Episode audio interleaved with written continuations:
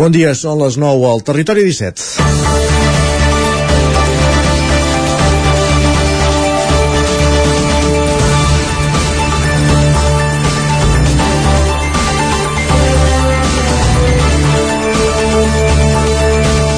No, aquí no parlarem d'audiències. Us agraïm molt, això sí, que hi sigueu cada matí i en seu confiança, per descomptat, però aquest espai volem dedicar-lo a qüestions d'interès més que no pas a les medalles, que per això ja hi ha els Jocs Olímpics. Temes d'interès com el pas endavant que ha fet l'Ajuntament de les Masies de Voltregà Osona en l'aposta per les energies renovables i l'economia circular. Tal com els explicàvem ahir, l'alcaldessa Verònica Ruiz ha presentat el projecte per ubicar una planta de biogàs en un solar municipal del polígon industrial de Torroella. Treballen amb una planta amb capacitat per tractar anualment 23 tones de purins, fangs de depuradora, residus de la indústria alimentària i de la fracció orgànica. Amb això es pretén generar 900 kW d'energia elèctrica i tèrmica per autoconsum de la mateixa planta, alimentar l'allumenat públic i els equipaments municipals.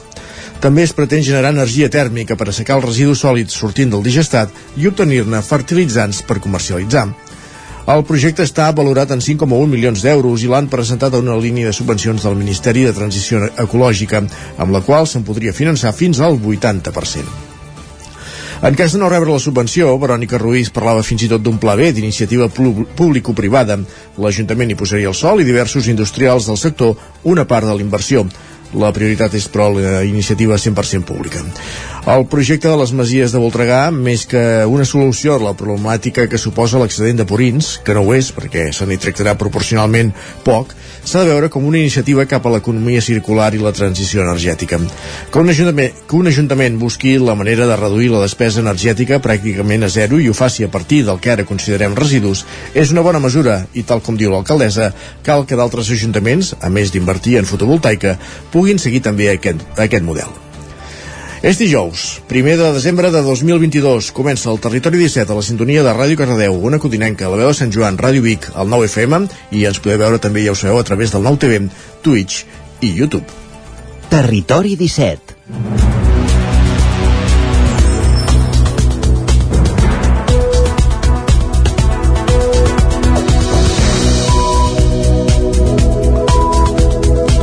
Dos minuts i mig que passen de les 9 del matí d'aquest dijous 1 de desembre de 2022, Dia Mundial de la Lluita contra la Sida. Val la pena recordar-hi fer-ne esment dia en què el Territori 17 us acompanyarà, com fem cada dia de fet, durant dues hores, des d'ara fins les 11, en aquesta primera mitja hora, repassant l'actualitat, les notícies més destacades de les nostres comarques, el Vallès Oriental, Osona, el Ripollès i el Moianès, també fent un cop d'ull a la previsió del temps en companyia de Pepa Costa, des d'Ona Codinenca, i anant al quiosc, a fer un cop d'ull a les portades de, dels diaris del dia. Passarem també per l'R3, la línia de tren, la nostra línia de tren, escoltant les cròniques dels oferts usuaris d'aquesta via de la mà de l'Isaac Muntades des de la veu de Sant Joan i a l'entrevista conversarem amb Sofia Vila de la Fundació JOB que es dedica a l'orientació escolar dels joves del Moianès amb Caral Campàs des d'Ona Codinenca. Anirem també a la plaça, ja ho sabeu, l'espai on anem cada dijous, l'espai dedicat a la nova economia, amb 11.cat i, i la Maria López des de Ràdio Televisió Cardedeu, avui per parlar de les despeses de Nadal amb el menjar prenguem nota. Arribarem al punt de les 10 amb música, a aquesta hora ens tornarem a actualitzar amb les notícies més destacades de casa nostra, previsió del temps, i, i la Foc Lent, l'espai gastronòmic de cada setmana a partir d'un quart d'onze. La darrera mitja hora, ja sabeu, la dediquem a la ficció. Abans, però, fem un cop d'ull a Twitter i després sí, anem fins a la veu de Sant Joan amb en Joan Garcia i en Gerard Fosses per repassar les estrenes a la cartellera eh, i, les, i les pel·lícules que podem veure a les sales de casa nostra, evidentment, i acabarem també el programa fent alguna, amb algunes recomanacions de sèries que podem veure a les plataformes. Dit tot això, quan passen 4 minuts de les 9 del matí, comencem, es posen dansa al territori 17.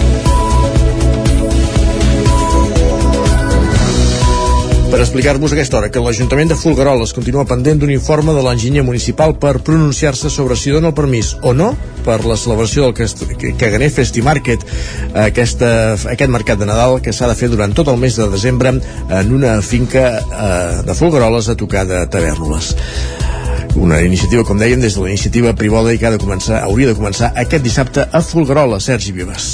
L'alcalde Xavier Roviro ha explicat tot i així que preveuen que els informes seran desfavorables. La qüestió es tractarà en una junta de govern aquest dijous a última hora de la tarda. Mentrestant, la plataforma per una plana viva, que integren una cinquantena d'entitats d'Osona i que ja s'havia posicionat en contra de l'esdeveniment, ha convocat una concentració aquest dissabte a les 11 del matí a Fulgaroles, en la que hauria de ser la primera jornada del mercat nadalenc. Des del col·lectiu reivindiquen el valor dels terrenys agrícoles i asseguren que el Festimarket tindria tindria un impacte negatiu per l'espai on dilluns s'ultimaven els preparatius, en una zona boscosa propera al Mas Torrent. Xavi Crosas, membre de Per una plana viva, també considera que es podria ubicar en un lloc ja urbanitzat. Fa dos o tres anys que estem treballant per un model territorial que nosaltres defensem i que tenim molt clar i que tenim moltes propostes de futur eh, plantegem doncs, l'aplicació de la llei d'espais agraris, una agència per la pagesia d'Osona, eh, plantegem doncs, un pla estratègic per coordinar els municipis a la plana de Vic, i més que estar en contra d'aquest festival, més aviat el que creiem és que aquest, aquest festival està en contra de tots aquests valors que nosaltres defensem no? creiem que aquestes propostes d'oci doncs, eh, hi han llocs urbans, hi han pobles hi han polígons buits hi han molts espais doncs, en què aquests, eh, aquestes activitats no farien tan mal i provocarien tanta mobilitat. Volem que l'Ajuntament sigui valent, denegui aquests permisos i en cas de que no es pugui aturar, doncs, eh, doncs farem una concentració de protesta es tracta d'un mercat de Nadal que una família de Folgueroles vol desplegar en un terreny rústic del municipi i que ha fet esclatar la polèmica pel volum i, la, i per la ubicació de la proposta. Els ecologistes asseguren que no es pot justificar una iniciativa com aquesta en un context de sequera i de crisi energètica com l'actual. Més qüestions. La directora general d'Agricultura i Ramaderia, Elisenda Guillaumes, ha presentat a Vic les dades del projecte Life Agricol per millorar la gestió de les dejeccions ramaderes. En una jornada sobre fertilització, presentava les principals estratègies que es deriven del projecte i que han de permetre millorar la gestió del 20% del total de les dejeccions ramaderes que es generen a Catalunya.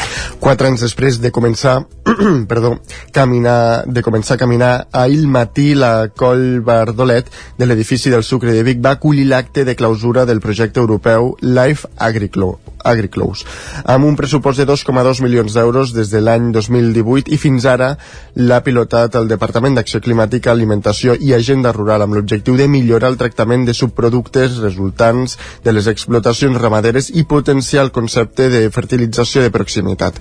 Un projecte que s'ha centrat en millorar el maneig de la fracció líquida i la fracció sòlida dels purins perquè els agricultors puguin utilitzar aquests subproductes com a fertilitzants. Elisenda Guillaumes és la directora general d'Agricultura i Ramadera. I el que hem pogut demostrar és que amb aquests eh, sistemes de tractament de separació sòlid-líquid doncs eh, podem garantir que hi ha un 90% menys d'antibiòtics en el que seria el sol i podem assegurar 100% doncs, que no hi ha transferència ni d'aquests antibiòtics ni del re, dels gens de resistència en el que seria el producte final igualment que tampoc doncs, hi ha transferència del que seria els patògens d'aquests eh, eh subproductes en en el producte final. Del projecte se'n deriven 16 noves estratègies. També s'ha fet un pla pilot per millorar l'aspecte tècnic amb maquinària que encara no existeix al mercat i que ahir al matí es va posar damunt la taula. La maquinària que hem posat a, a la pràctica és una prova pilot. Evidentment s'ha dissenyat específicament no, per aplicar aquestes fraccions, per tenir control dels nutrients que aplicàvem. Això també és pilot, però per exemple avui a la jornada tenim a la Federació d'Empreses de Maquinària Agrícola de Catalunya que ja estan molt interessats no, en poder veure com, com implementar aquest pilot a nivell comercial doncs, per, per tenir la maquinària aquí i, i poder-la poder, vendre i per tant doncs, que això, no, que aquest projecte pugui ser una realitat. El Centre Tecnològic Beta de la Universitat de Vic, Universitat Central de Catalunya, és una de les 25 organitzacions que han pres part en el projecte. Durant aquests 4 anys i mig s'han treballat amb 400 hectàrees i s'ha gestionat més de 800, 900 tones anuals de productes que provenen del tractament de les dejeccions ramaderes. El sector de la restauració afronta la primera campanya de Nadal sense restriccions amb un optimisme moderat. Famílies i empreses ja comencen a fer les seves reserves, però l'encariment dels preus de les matèries primeres redueix la previsió de beneficis. Enguany, la nit del 16 de desembre es preveu la més forta de la temporada. Establiments i associacions, consul i associacions consultats pel 9-9 assumeixen que l'encariment dels preus de les matèries primeres haurà de repercutir en el client i que els beneficis seran menors que l'any passat encara que es facturi més. A més, l'hostaleria continua tenint dificultats a l'hora de contractar personal, tant a la cuina com a sala. Antoni Dinarès, gerent de l'Associació d'Empresaris d'Hostaleria i Turisme del Moianès i Osona, assegura que no hi ha personal i que alguns restaurants han decidit reduir l'horari i l'aforament per poder funcionar bé. Aquesta falta de personal l'atribueix als horaris i també als sous. Tot i això, les associacions també es mostren amoïnades pel primer trimestre de 2023 i esperen que el mes de desembre els ajudi a pal·liar els efectes de la inflació. Junts per Catalunya presenta la candidatura Vigues i Riells del FAI amb el debat de Joan Codina en polític, amb el debut de Joan Codina a la política municipal. Caral Campàs, ona codinenca. Joan Condín serà el cap de llista de Junts a les eleccions municipals del maig de 2023. Nascut l'any 1961 i veí de Riells del FAI és empresari i llicenciat en Filosofia i Lletres. Sentim-lo. Nosaltres fa més d'un any que estem treballant en el programa un programa que vol donar resposta a totes les necessitats de la ciutadania. Treballarem per objectius amb responsabilitat i transparència pública. Des del grup ja estan començant a treballar en el programa que vol donar resposta a les necessitats de tots els ciutadans. Segons ell mateix, la llista de Junts a Vigues i Riells del FAI comptarà amb persones molt preparades que impulsaran una nova forma de fer basada en la participació de la ciutadania i l'eficiència administrativa. Més qüestions. Palau Solità i Plegamans instal·la 23 càmeres per al reconeixement de les matrícules dels vehicles, una de les mesures de seguretat ciutadana. Pol Grau, Ràdio Televisió Cardedeu. L'Ajuntament de Palau Solità i Plegamans ha començat a instal·lar càmeres de videovigilància amb lectura de matrícules a les principals entrades de la vila i altres punts del municipi. Es tracta d'un sistema de reconeixement de matrícules que aplicarà intel·ligència artificial per tractar les dades obtingudes i avisar la policia local. S'instal·laran 23 punts de control que registraran les matrícules dels vehicles que circulin pel municipi. Aquestes càmeres s'afegeixen al punt mòbil instal·lat en un dels vehicles de la policia local, de manera que es millorarà l'eficàcia del servei. Els nous dispositius només gravaran els vehicles i creuran les matrícules en les bases de dades policials.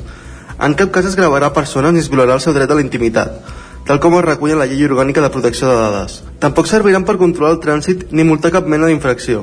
Aquests punts de videovigilància estaran senyalitzats per poder remarcar el control dels vehicles que entren i surten del municipi. Un dels objectius és que les persones que tinguin intenció de delinquir desisteixin atenent que hi ha un sistema de vigilància al qual s'afegit els recursos existents. El sistema de càmeres de control de matrícules pretén la resolució dels fets sota investigació, atès que en moltes ocasions els agents només disposen d'informació dels testimonis que hagin presenciat un robatori o un accident. A partir d'ara, gràcies a les dades recollides per les càmeres, es podrà millorar la comprovació de quins vehicles poden estar relacionats amb els fets. I a la pàgina esportiva us expliquem que la Badesenc homenatge a Manel Pajares, que va ser diagnosticat d'ELA fa pocs mesos. Isaac Muntades, la veu de Sant Joan.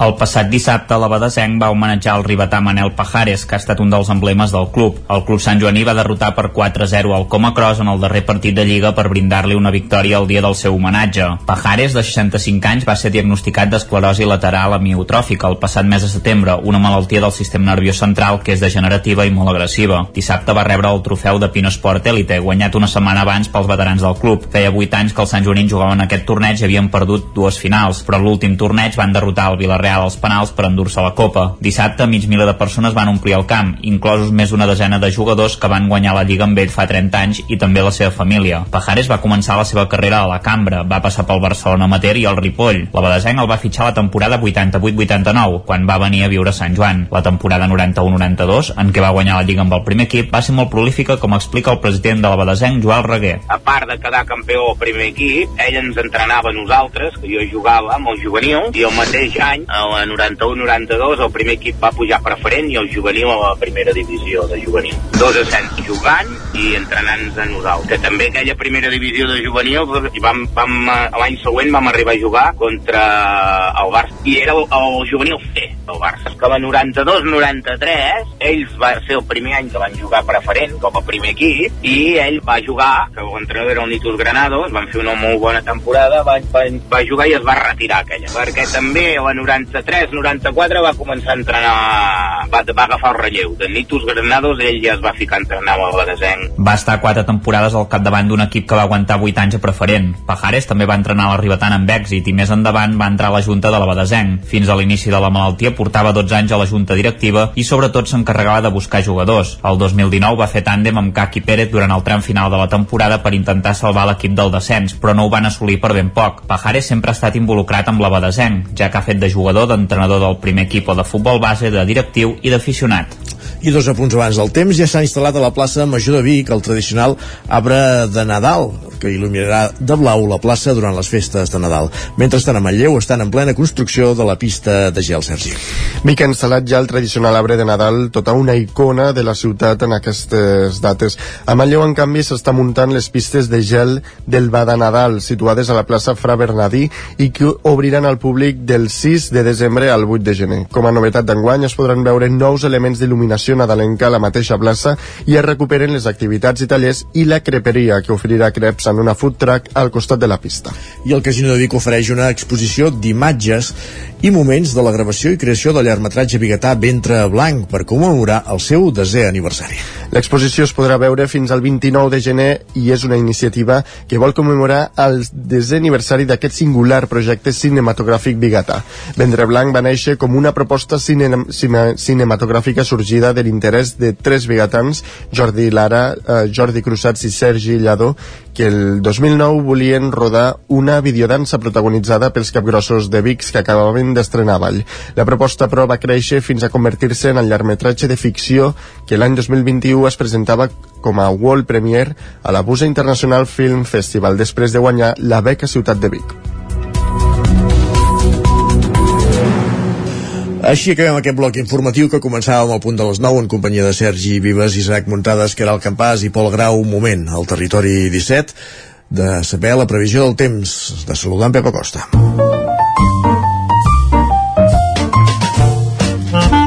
Casa Terradellos us ofereix el temps. Per tant, tornem a Ona Codinenca. Pep, bon dia.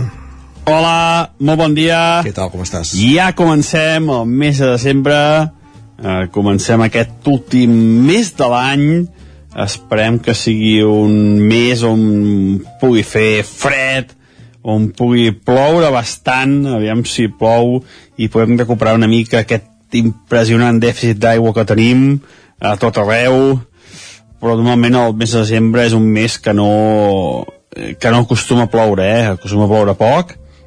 És el segon, el tercer més fred de l'any, després del gener i el febrer, i és un mes això, sec. És un mes que acostuma a ser bastant sec. Esperem que, eh, que hi hagi alguna alguna anomalia i que per fi, per fi eh, pugui ploure bastant, bastant eh, a totes les nostres comarques de manera general i de manera generosa tot i que de moment no es veu per enlloc també el temps va guanyant importància la setmana vinent tenim aquest eh, pont o, o, o aquaducte no, com, es, eh, com es vulgui dir eh, que molta gent té festa molts dies de setmana vinent molta gent no eh, les combinacions són múltiples però el temps no, eh? el temps serà un i demà intentem afinar una mica eh, però de moment pinta bastant estable bastant estable eh,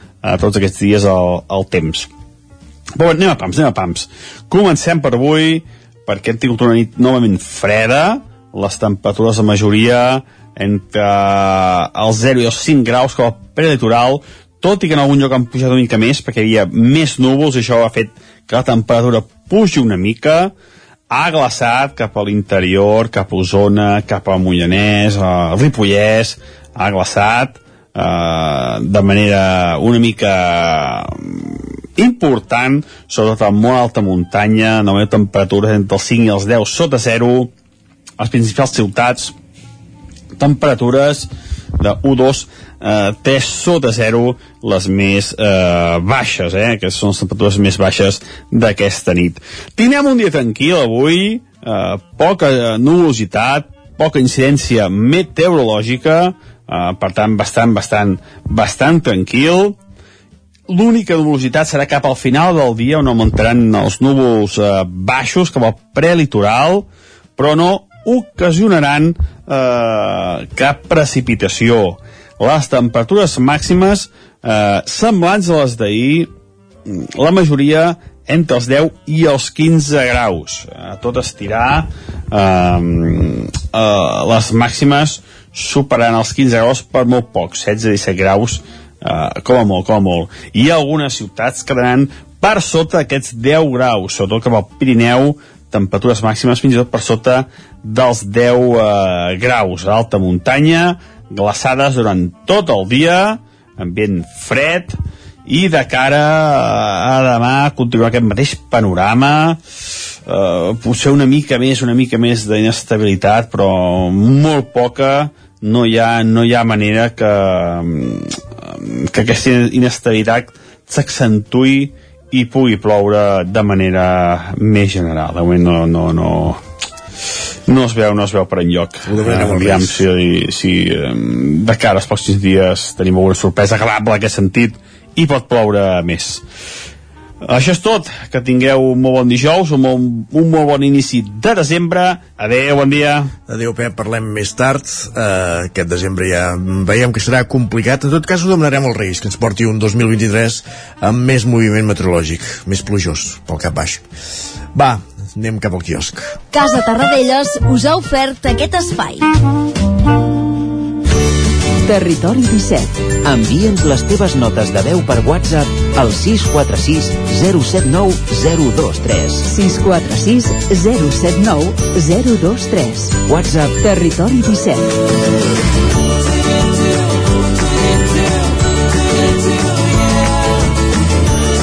Territori 17. Som a Facebook, Twitter i Instagram amb l'usuari Territori 17.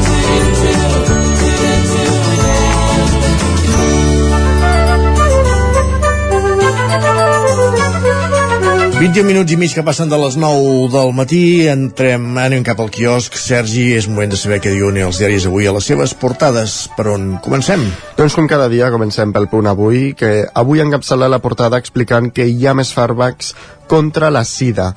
Diuen que està a punt el medicament bimensual per la sida que millora el tractament diari. I sota el titular El miracle del cubisme al Museu Picasso expliquen que el centre barceloní exposa els tresors del marxant d'art Daniel Henry Kahnweiler. I per altra banda destaca que Marlaska s'enroca en l'escàndol de Melilla. No va haver-hi morts en territori espanyol. Ho diu Segons molt ell, convençut. sí. Les informacions diuen el contrari, però vaja. En fi. Paraula del ministre que va a missa. Sí, sí. Al periòdico encapçala portada amb el titular Un campament a la platja.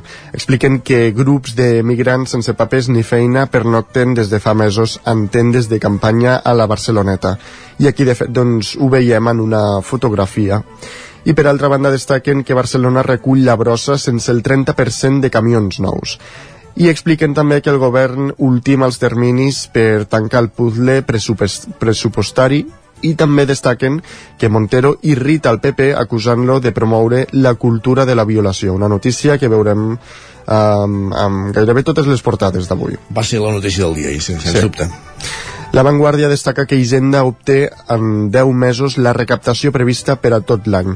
També expliquen que els partits s'abonen a la batussa al Congrés per guanyar quota preelectoral i per altra banda expliquen que investiguen dues cartes bomba a Madrid i Saragossa vinculades amb Ucraïna i amb una fotografia que ocupa gran part de la portada veiem al Congrés a Irene Montero i als, al seu darrere tots els diputats del PP protestant doncs ja que ahir els va acusar de fomentar la cultura de la violació.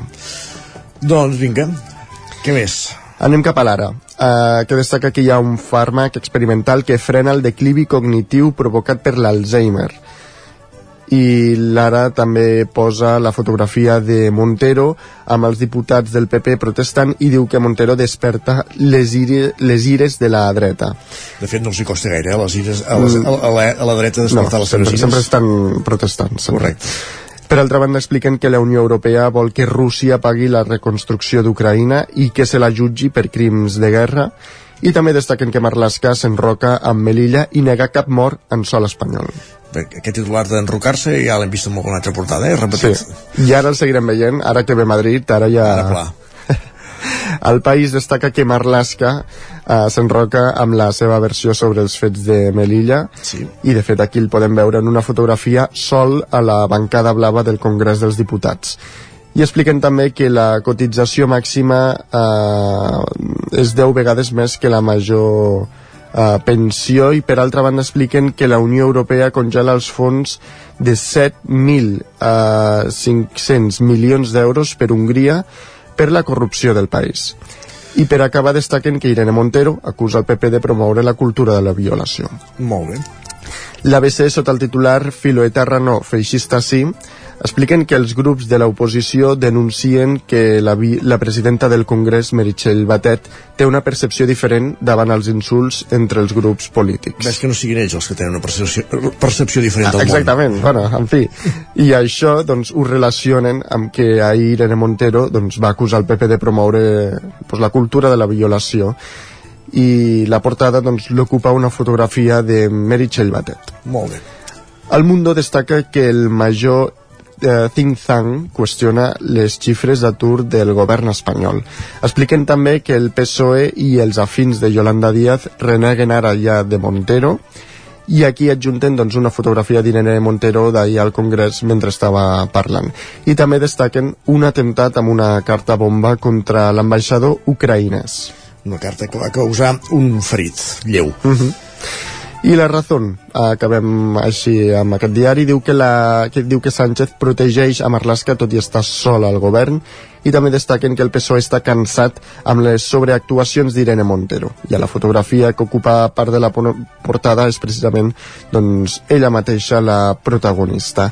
I per altra banda, destaquen que Espanya és el tercer país amb major alça de pressió fiscal des del 2010 no acabaràs pas amb la raó, no està molt protegit. Repassem les portades de digitals del 99, el 99.cat, Osona i el Ripollès. Doncs expliquen que el centre beta avança cap al residu zero en la indústria càrnia.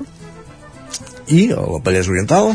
Doncs expliquen que Mollet inicia les millores d'accessibilitat i el carril bici de Can Magarola finançats amb fons europeus.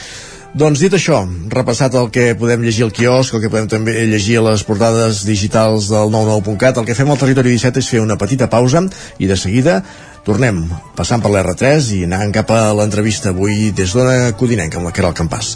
Fins ara mateix. El nou FM, el nou FM, el nou FM. Al mirador del Puigsecalm hi trobareu un espai agradable amb la mirada posada en la gent gran, enmig de la natura, a només 15 minuts de la vall del Gès. Busquem oferir la millor atenció personalitzada per a tots els nostres usuaris. Tot des d'un lloc privilegiat al cor de la Vall d'en Bas, amb vistes al Puigsecalm. Residència al Mirador del Puigsecalm, un capital humà al servei de les persones. Trobareu tota la informació a miradorpuigsecalm.cat. Has esperat que arribi el fred per comprovar si et funciona bé la caldera? No pateixis, a Casa Jové som especialistes en manteniment, reparació i revisió d'equips d'aigua calenta i calefacció, tant en l'ambient domèstic com industrial. Si tens una avaria, no ho dubtis. Som Casa Jové. Ens trobaràs al carrer Girona, número 9 de Vic i al telèfon 93 886 1596. Casa Jové, el teu servei tècnic de confiança. Cobertes serveis funeraris els nostres tanatoris estan ubicats en els nuclis urbans més poblats de la comarca d'Osona per oferir un millor servei. Tanatori de Vic, Tanatori de Manlleu, Tanatori de Centelles i Tanatori de Roda de Ter.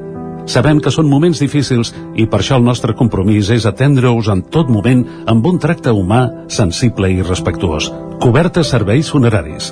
Telèfon 24 hores 93 883 23 46. Amb Pradell estalvio energia i cuido la meva butxaca i el medi ambient. Posa't en mans de Pradell. Són experts en calderes de gas i condensació, estufes de pèl·let, energia solar, terres radiants, geotèrmia i aerotèrmia. Pradell instal·la calderes de biomassa per a particulars i per a empreses. Si vols estalviar un 50% en consum, contacta amb Pradell i passa't a les energies renovables. Pradell som a l'Avinguda Països Catalans 27 de Vic. Telèfon 93 885 1197. Pradell.cat. Us desitgem bon, bon dia, són les 9 al Territori 17. La Miquel Parella. Cada matí i durant dues hores t'acompanyem i et posem al dia de l'actualitat de casa nostra. Potenciant així l'autonomia En aquest cas, mala peça al taler si no... Cursos per feminitzar el pensament masculí. Territori 17, el magazín matinal d'Osona, el Moianès, el Ripollès i el Vallès Oriental. Que la meva àvia de 93 el anys... 9 FM, el 9 TV, el 99.cat i també els nostres canals de Twitch i, I YouTube. demà per fer-se un tatuatge. Cada matí, Territori 17. Ole. Cocodril Club. Si t'agrada la bona música dels anys 60, 70 i 80, escolta el 9 FM als matins de dissabtes i diumenges d'11 a 1. És el temps del Cocodril Club, tot un clàssic de la ràdio, amb les bases del pop-rock, les llegendes, les cançons que s'han convertit en autèntics himnes. Recorda, dissabtes i diumenges al matí, d'11 a 1, al 9 FM 92.8. Cocodril Club, el programa revival de l'Albert Malla. Hasta luego, cocodrilo. Territori 17.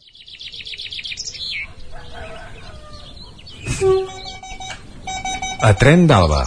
Cada dia els usuaris i usuàries de la línia R3 de Rodalies que veuen sortir el sol des d'un vagó ens expliquen les gràcies i les penes del primer comboi que uneix Ripoll i Barcelona o les feixugues jornades amb el tren després de treballar. Benvinguts a Tren d'Alba. Us en recordeu que hi us explicava que l'usuari de l'R3 de Ripoll, Arnau Urgell, explicava que havia pujat en un tren que estava completament a les fosques i semblava el tren del terror? Doncs bé, l'usuari Alfonso Solís li va recriminar que no hagués anat a dir-li al maquinista a la cabina que engegués els llums, que potser no se n'havia donat compte. No, si ara serà culpa del pobre passatger fer la feina del maquinista o de la persona encarregada d'obrir els llums. Encara que ho hagués fet, cada dia es denuncien milers de problemes i ningú no fa res per solucionar-los. Almenys a les xarxes socials se'n dona visibilitat i així ens en podem fer ressò i completar aquesta meravellosa secció. Va, ara podem escoltar la crònica de la Glòria Francolí. Hola, molt bon dia. Aquí la Glòria des de l'R3. Avui el tren que ha sortit de Sants a les 6 de la tarda ha arribat a Torelló uns minuts tard. Una cosa que us volia explicar, suposo que més o menys, qui més qui menys està familiaritzada amb aquest tema, a la majoria de trens ara hi ha pantalles, que són pantalles informatives en les quals es fa campanyes d'informació de, de, de temes de salut, de l'ús del temps,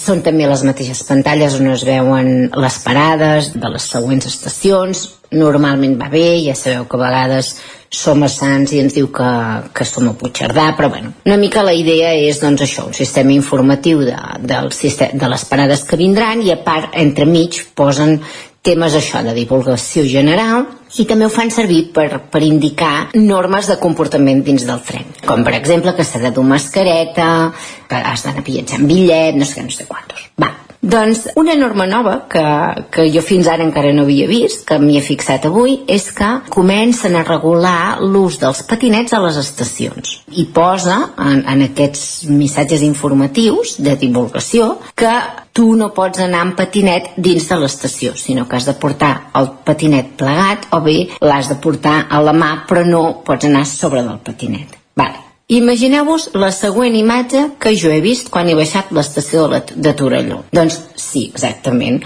Un nano amb patinet per l'andana de l'estació. O sigui que estupendo, no? Molt útils aquests, aquests missatges. Però una mica el que vinc a dir és que d'incivisme en trobem a tot arreu, també al tren, però que no es pot anar amb patinet per les voreres, encara que no estigui regulat, segurament eh, és de sentit comú, no? I en canvi molta gent va amb patinet per les voreres.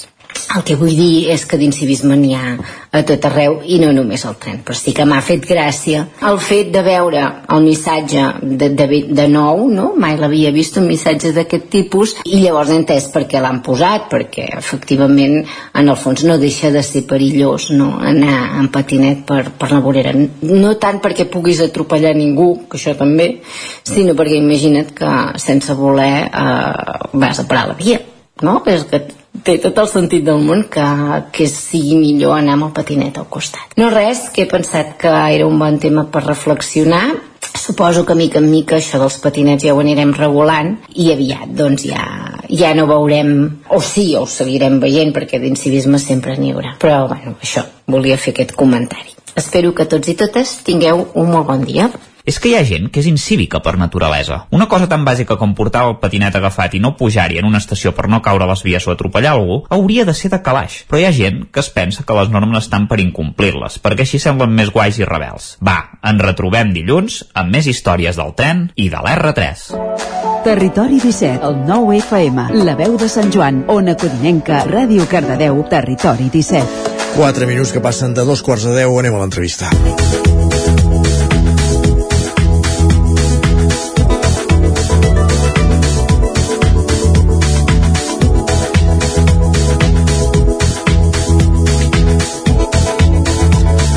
Avui a l'entrevista coneixerem una entitat que treballa a nivell del Moianès i es dedica a l'orientació dels estudiants. És la Fundació JOB, creada, fundada l'any 2013, amb l'objectiu d'ajudar els joves a encarar el seu futur a través de l'educació emocional i l'autoconeixement. Caral Campàs, una codinenca, benvinguda, bon dia. Caram. Uh, doncs sí, parlem amb, amb, amb Sofia Vila, que és doncs, la fundadora i directora de, de la Fundació Job. Bon dia, Sofia. Bon dia. Bon dia. Uh, primer et volíem preguntar, per la gent que no, que no conegui Fundació Job, amb quin, amb quin neguit va néixer la Fundació i, i quan? Bueno, nosaltres vam redactar el projecte el 2010 però després de, veure una sèrie de, de coses vam, vam veure que es tenia que, que donar aquesta oportunitat als joves eh, en, en l'educació postobligatòria. No? Aleshores, el 2013 és quan naixem ja definitivament donant sortida a la possibilitat d'orientar els joves en el Moianès. Uh -huh. I quins són els pilars fonamentals de la Fundació? Pues, eh, nosaltres ara en aquests moments, arrel de la pandèmia, també ens hem anat com especialitzant més en tot el que és l'educació emocional.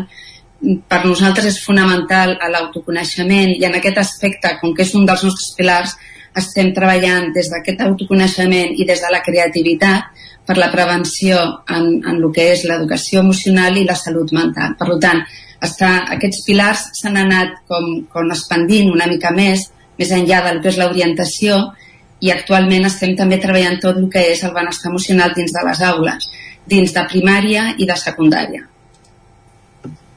Ah, I quina, quina és l'estructura interna de la Fundació? No sé si compteu amb treballadors i voluntaris. Actualment som sis treballadors, però també és veritat que hi ha un grup de, de voluntaris que ens ajuden en diferents aspectes. Poden ser des d'aspectes pedagògics, però també a nivell estructural. El nostre patronat, a fi de comptes, són tots ells voluntaris, no? i tots ens aporten la seva, el seu coneixement en el que, en el que després necessitem d'ells, no? que pot ser des de la part més econòmica o des de la part més estructural, així com la part pedagògica, com us dèiem abans. Com dèiem, orienteu els joves a ser conscients de les seves capacitats i interessos. Quina és la metodologia que s'utilitza?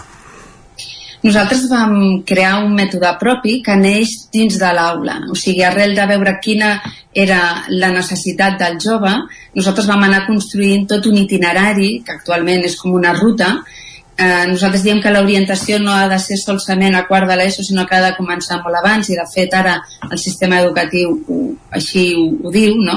l'orientació ja ha de començar a primària, i els nostres eixos són l'autoconeixement, la creativitat i l'ofici en secundària i en primària aquest, aquest últim eh, eix es converteix en tot el que és el tema de les relacions socials. El com ho fem, els hi ensenyem des d'aquest mètode propi a conèixer ells mateixos, a ser resilients, a escoltar-se. Per nosaltres és molt important l'escolta, tant d'ell mateix com entre nosaltres, no? I, el, i el saber compartir les angoixes que, que puguin haver-hi. Uh -huh. Eh, I mm, no sé, creu que, creus que hi ha una problemàtica generalitzada no, entre els joves de no saber què volen i de sentir-se perduts potser ara més, més que abans? Jo penso que actualment, més que sentir-se um, perduts més que abans, és que ara tenen molts més inputs, o sigui, els ha arribat tanta informació hi ha una sobreestimulació eh, eh, per mig de les xarxes, per mig de, de, bueno, de, de moltes coses que ells eh, tenen al seu voltant. No? Això se li ajunta a molta por al fracàs, que sempre ha existit, però jo crec que ara hi ha com, com una, com una línia de, de, de competitivitat que fa que no es puguin, no puguin fracassar, ens ho diuen ells, i que si fracasso què passa? Doncs pues no passa res, o sigui, aprendràs de nou, no? Aleshores jo penso que si els ensenyem a, a saber-se escoltar ells mateixos, si sabem també donar un, una eina que és el pensament crític, a, a partir d'aquí ells podran veure més bé què és el que volen fer, no? I aleshores aquí nosaltres els hi donem la confiança de tirar endavant, no? Uh -huh. Ens podeu posar exemples de, de joves que seguint els vostres mètodes o a través de, de la Fundació hagi pogut eh, encarrilar millor el seu futur o, o, o és això que per ell suposava bueno, una, una muralla i que li, li, ha facilitat, li ha obert el camí per entendre'ns d'alguna manera jo et podria dir o sigui, podria posar-te molts exemples, no? però eh, penso que hi ha un, un, un denominador comú que potser te'l puc reflexar amb, amb la primera experiència que vam tenir el 2012, uh -huh. amb l'aula, en la primera aula que vam, que vam entrar, que hi havia 12 nanos, i ells es consideraven els conflictius de, de l'escola no? i on, allà on ningú volia anar no? Uh, per mig d'aquest mètode que a poc a poc dia a dia nosaltres anem treballant amb ells um, bueno, eh, els vam dir, doneu-nos temps i veureu com les coses canvien, no? Bueno, aquella aula es va convertir de, de ser la dels conflictius a ser la dels entusiastes, fins al punt que, to, que tota l'escola volia passar per allà. A nivell més així puntual, un cas concret, com, com tu m'estàs demanant, podria posar molts exemples. Per exemple, actualment nosaltres portem una, una sèrie de beques aquí al Moianès uh, i tenim nanos pues, que millor tenien un itinerari francament molt dificultós a l'ESO, que han acabat fent una FP, d'aquesta FP ara a lo millor ja estan començant uh, en la, una carrera universitària. En un principi eh, jo, jo, o sigui, m'agradaria molt poder-te dir una cosa concreta, però penso que és més la idea de que ells s'empoderen i veuen de que mm, pues no sóc eh, tan nefast, entre cometes, com jo pensava, sinó que resulta que tinc un potencial i que el puc donar en allò que, que realment sóc. No? Per mig de la nostra orientació que fem, que també utilitzem l'eneagrama, els empoderem a conèixer molt més eh, interiorment. Uh -huh. el, clar, a la comarca no sé si creus que hi ha suficient oferta formativa perquè qualsevol jove pugui desenvolupar-se al 100% la comarca mm, el que li passa és que té la mancança eh, o les dificultats d'un territori rural. El sistema no permet eh, fer coses com faríem a, a una Barcelona, és a dir, eh, nosaltres vam intentar portar l'FP aquí i tenim que assegurar que tindrem 20 alumnes de perruqueria cada any i això és inviable en, en, en una zona rural. No? Aleshores, eh, el sistema educatiu està pensat més per, per, per grans eh, um, ciutats que no pas per territoris rurals. I en aquest aspecte jo crec que la comarca fa tot el que pot, però eh, tindríem que pensar en un disseny més destinat a el que és la zona rural, no? la, la, el que és les necessitats en el, en el, en el entorn rural. I per això nosaltres, com a fundació, vam crear aquest, eh, aquest programa amb el mètode JOB en el qual eh, el que fem és que hi hagi un denominador comú eh, que sigui bo per totes les possibles professions que, que els alumnes eh, vulguin, vulguin desenvolupar, no? que són aquests tres eixos que, dels que us dèiem, i donar la possibilitat de donar pràctiques en, en, en, els diferents, en les diferents professions. I crec que el territori eh, ha lluita per tindre més oportunitats per als joves, però topa amb el sistema no? i per tant tenim un problema tenim que poder mirar d'una altra manera el territori i el sistema tindria que poder-lo mirar uh -huh.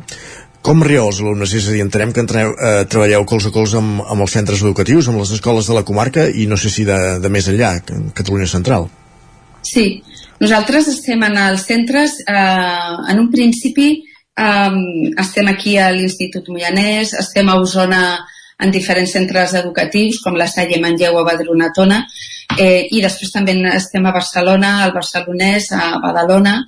Um, diguéssim, nosaltres tenim dos, una metodologia que és anar dia, un dia a la setmana allà a l'escola o a l'institut i en aquest aspecte el que fem és treballar colze a colze amb, amb els, amb els uh, professors, tutors, amb la direcció, amb el centre, mirem les necessitats del centre treballem quina és la resposta que es pot donar i aleshores ja posem en marxa tot el programa tenint present aquell entorn amb la intenció que aquell programa després quedi en aquell, en aquell centre educatiu eh, empoderant els professors perquè el portin ells a terme. Per tant, de, del nostre naixement en el 2013, que estava molt destinat eh, a l'orientació dels joves, actualment hem passat més també a tot el que és el disseny en programes educatius en educació emocional per centres de primària i de secundària. El que volem és que ells s'empoderin i una vegada nosaltres hem estat un parell d'anys amb ells, el propi professor pugui portar a terme aquesta orientació en el cas de secundària i en el cas de primària tot el que és el benestar emocional. No? Eh, arrel de la pandèmia el tema de la salut mental eh, ha sortit d'una forma molt forta i nosaltres per mig d'aquest programa empoderem els professors perquè puguin fer aquest acompanyament en el que és la, la salut mental. Sí, per, per anar acabant, uh, clar, uh, és el vostre punt principal de treball, les escoles. A, a quants alumnes i a quins centres arribeu? Actualment, cada any estem arribant a uns 1.500 alumnes. Uh, els centres, eh, els que arribem són uns 10, Uh, hi ha alguns que estan en l'àrea de Tarragona, alguns altres a Barcelona i després tota aquesta part més de la Catalunya central, que és on hem nascut i és on volem donar l'accent més fort, no? per dir d'alguna manera. També estem ara mirant de fer un teixit buscant aliances amb altres fundacions per, per, per créixer en altres aspectes, també des de l'àmbit universitari, per donar una cabuda eh, més, eh, més formal, eh, tot i que ja la Generalitat reconeix el mètode, i, i també estem buscant les aliances amb, amb el teixit empresarial per poder abarcar més. Doncs anirem seguint-ho. Sofia Vila de la Fundació Job, gràcies per explicar-nos eh, aquest mètode de Job que s'aplica a diversos centres del nostre territori i gràcies per ser avui amb nosaltres. Gràcies a vosaltres. Bon dia. Gràcies, bon dia. gràcies també, Caral, per acompanyar-nos un matí més aquí al Territori 17. Gràcies. Gràcies. Bon dia. Nosaltres avancem. Bon dia. Nosaltres avancem. I després de, de conèixer aquest, aquest mètode, el mètode Job, conèixer la Fundació Job, el que fem és anar cap a la plaça, l'espai de nova economia que ens acompanya cada dijous amb la Maria López des de Ràdio Televisió Cardedeu en companyia d'11.cat.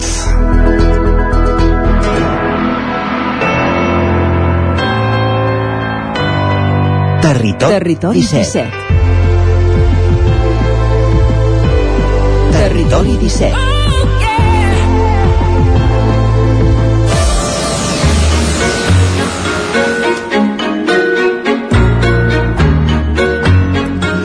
Dos minuts que passen de tres quarts de deu del matí, moment d'anar cap a la plaça, l'espai de Nova Economia, i avui per parlar d'una de les despeses habituals en aquestes dates, o en les properes setmanes a moltes llars, que són les despeses a mapes de, de Nadal.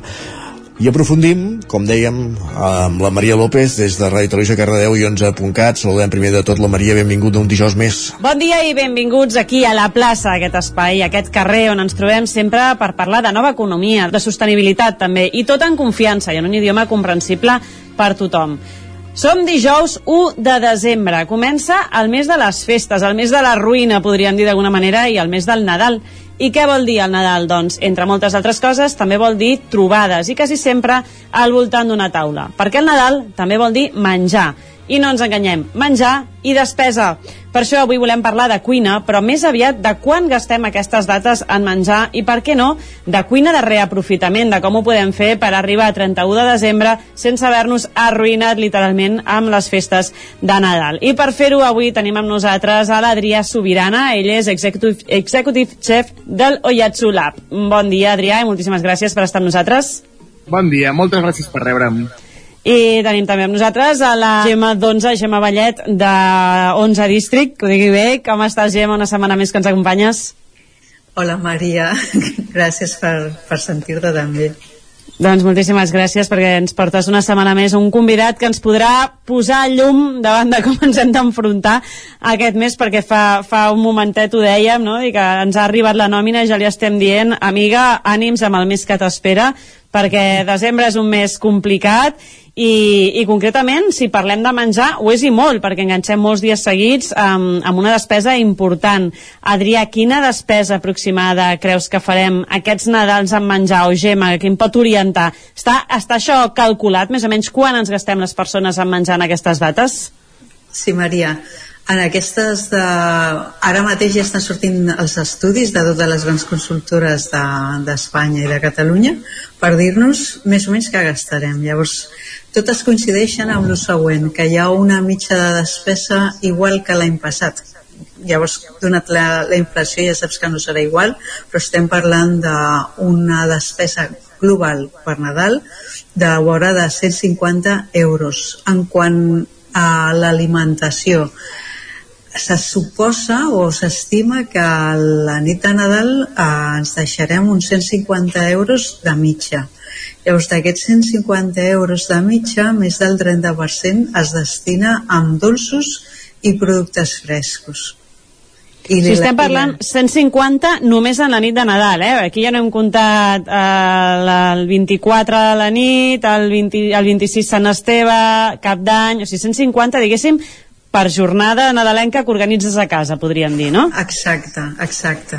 Exacte, és de... O sigui, quan s'han fet les diferents enquestes, més del 70% diuen que no renuncien a les festes del Nadal.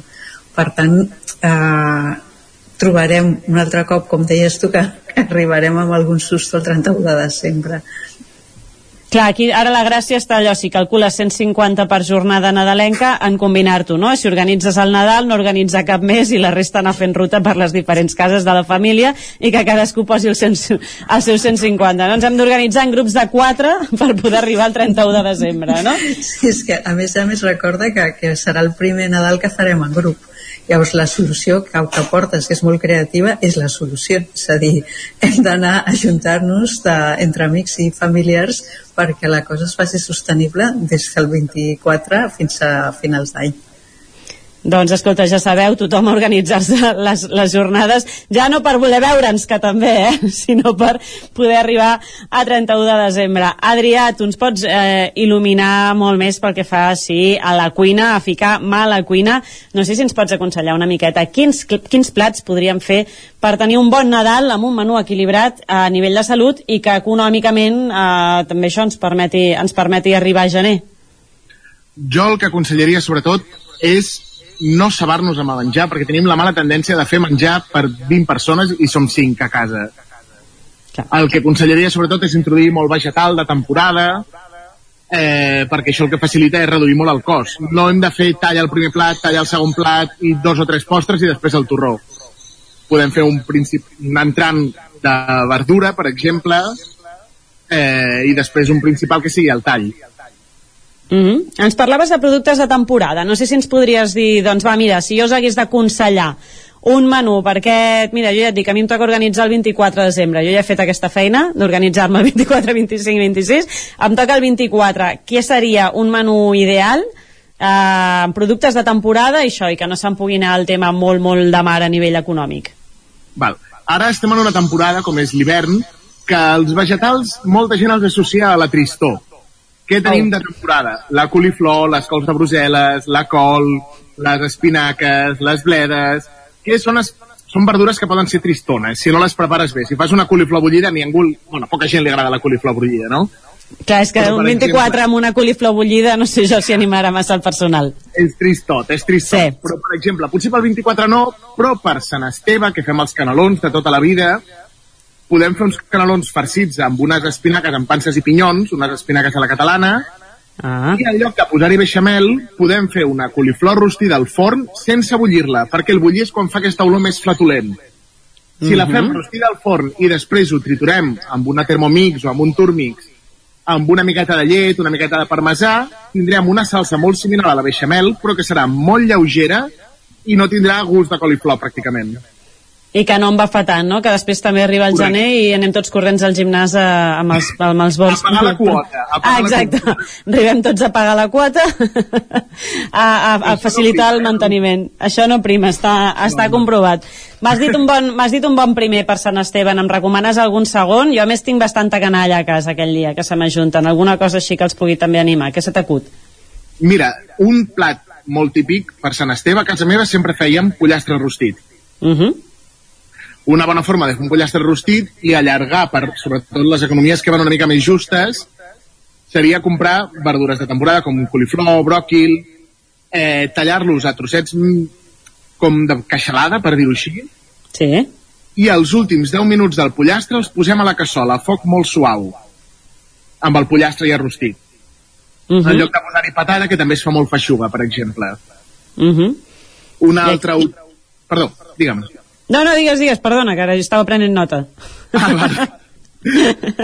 Eh, el pollastre rostit, com s'ha fet tota la vida, doncs amb les seves cebetes, els pinyons, les orellanes, les prunes dessecades... Aquesta és una bona opció. Comprem un bon pollastre. Un bon pollastre ha de tenir el pit petit i la cuixa grossa. La, sí, la cuixa, la cama. M'encanta un aquesta frase. Té més Aquesta- pit que cama, malament. Perquè uh el pollastre no vola, el pollastre camina. Aleshores, si, si volés, tindria molt pit, però com que no vola, el pit ha de ser petitó i la cuixa que es passa el dia corrent ha de ser grossa. Si té la cuixa Ah. petita és que aquest pollastre no es mou.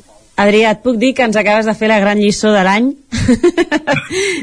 Aquesta me l'apunto. El, el pollastre, atenció a tothom, perquè tenim l'exclusiva de l'any. El pollastre, pit petit, cuixa grossa. Exacte. Ho he dit bé, eh? Doncs Sí, ja sí. està. És la gran lliçó d'aquest del 2022. Just allà per començar el desembre em sembla fantàstica, la veritat. I doncs això, comprem un bon pollastre que tingui una bona cuixa, que el quart del darrere, cuixa i contracuix, serveix per alimentar dues persones perfectament. Escolta, fantàstic. I, es- i, I què fem a les postres? Perquè alguna cosa dolceta haurem de posar, no? Home, sí. Què és típic per Nadal? El torró. Torró. Però a qui li agrada el torró?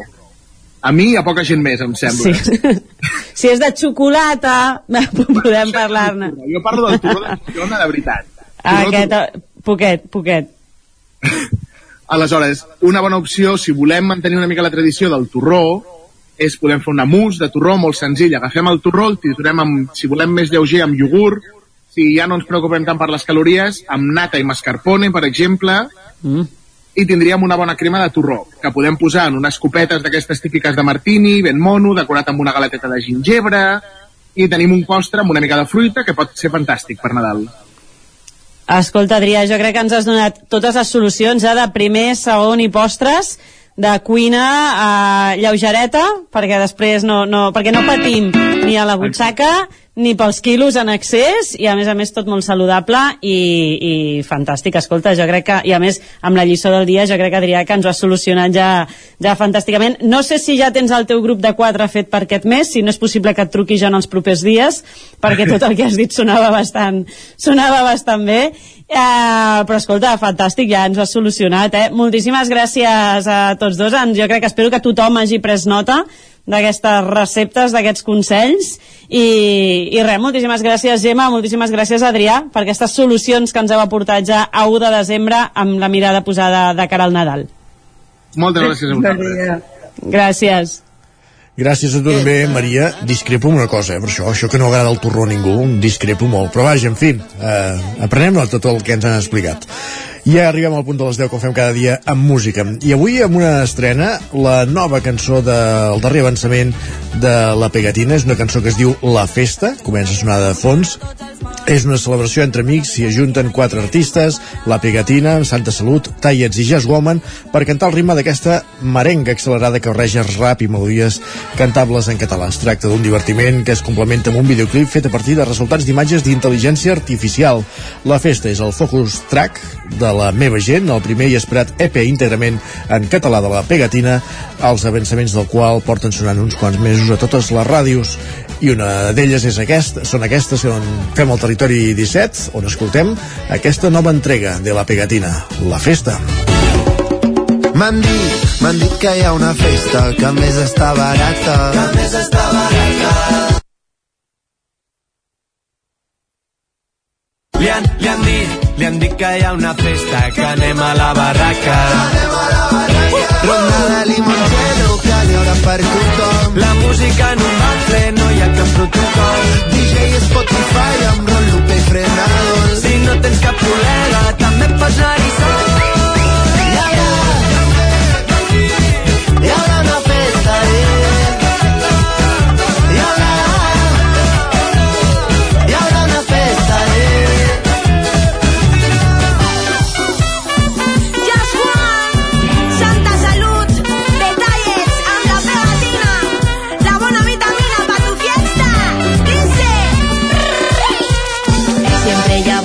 les terres una direcció, funció de festa i tradició, farem lo que demana el cor i aguantarem fins que s'acabe la festa. Ai, ai, ai, ai, ai, ai,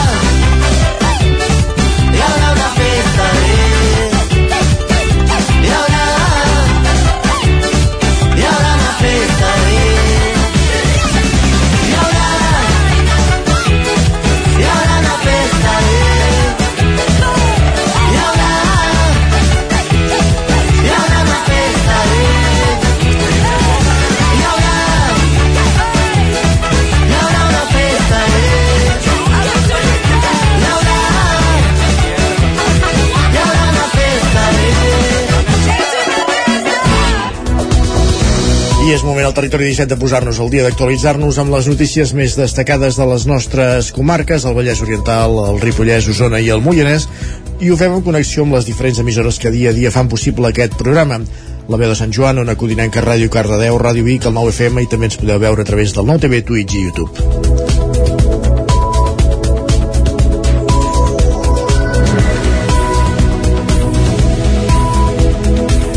I us expliquem a aquesta hora que la Roca del Vallès anuncia l'inici de les millores a la carretera de Santa Agnès. Pol Grau, Ràdio Televisió, Cardedeu.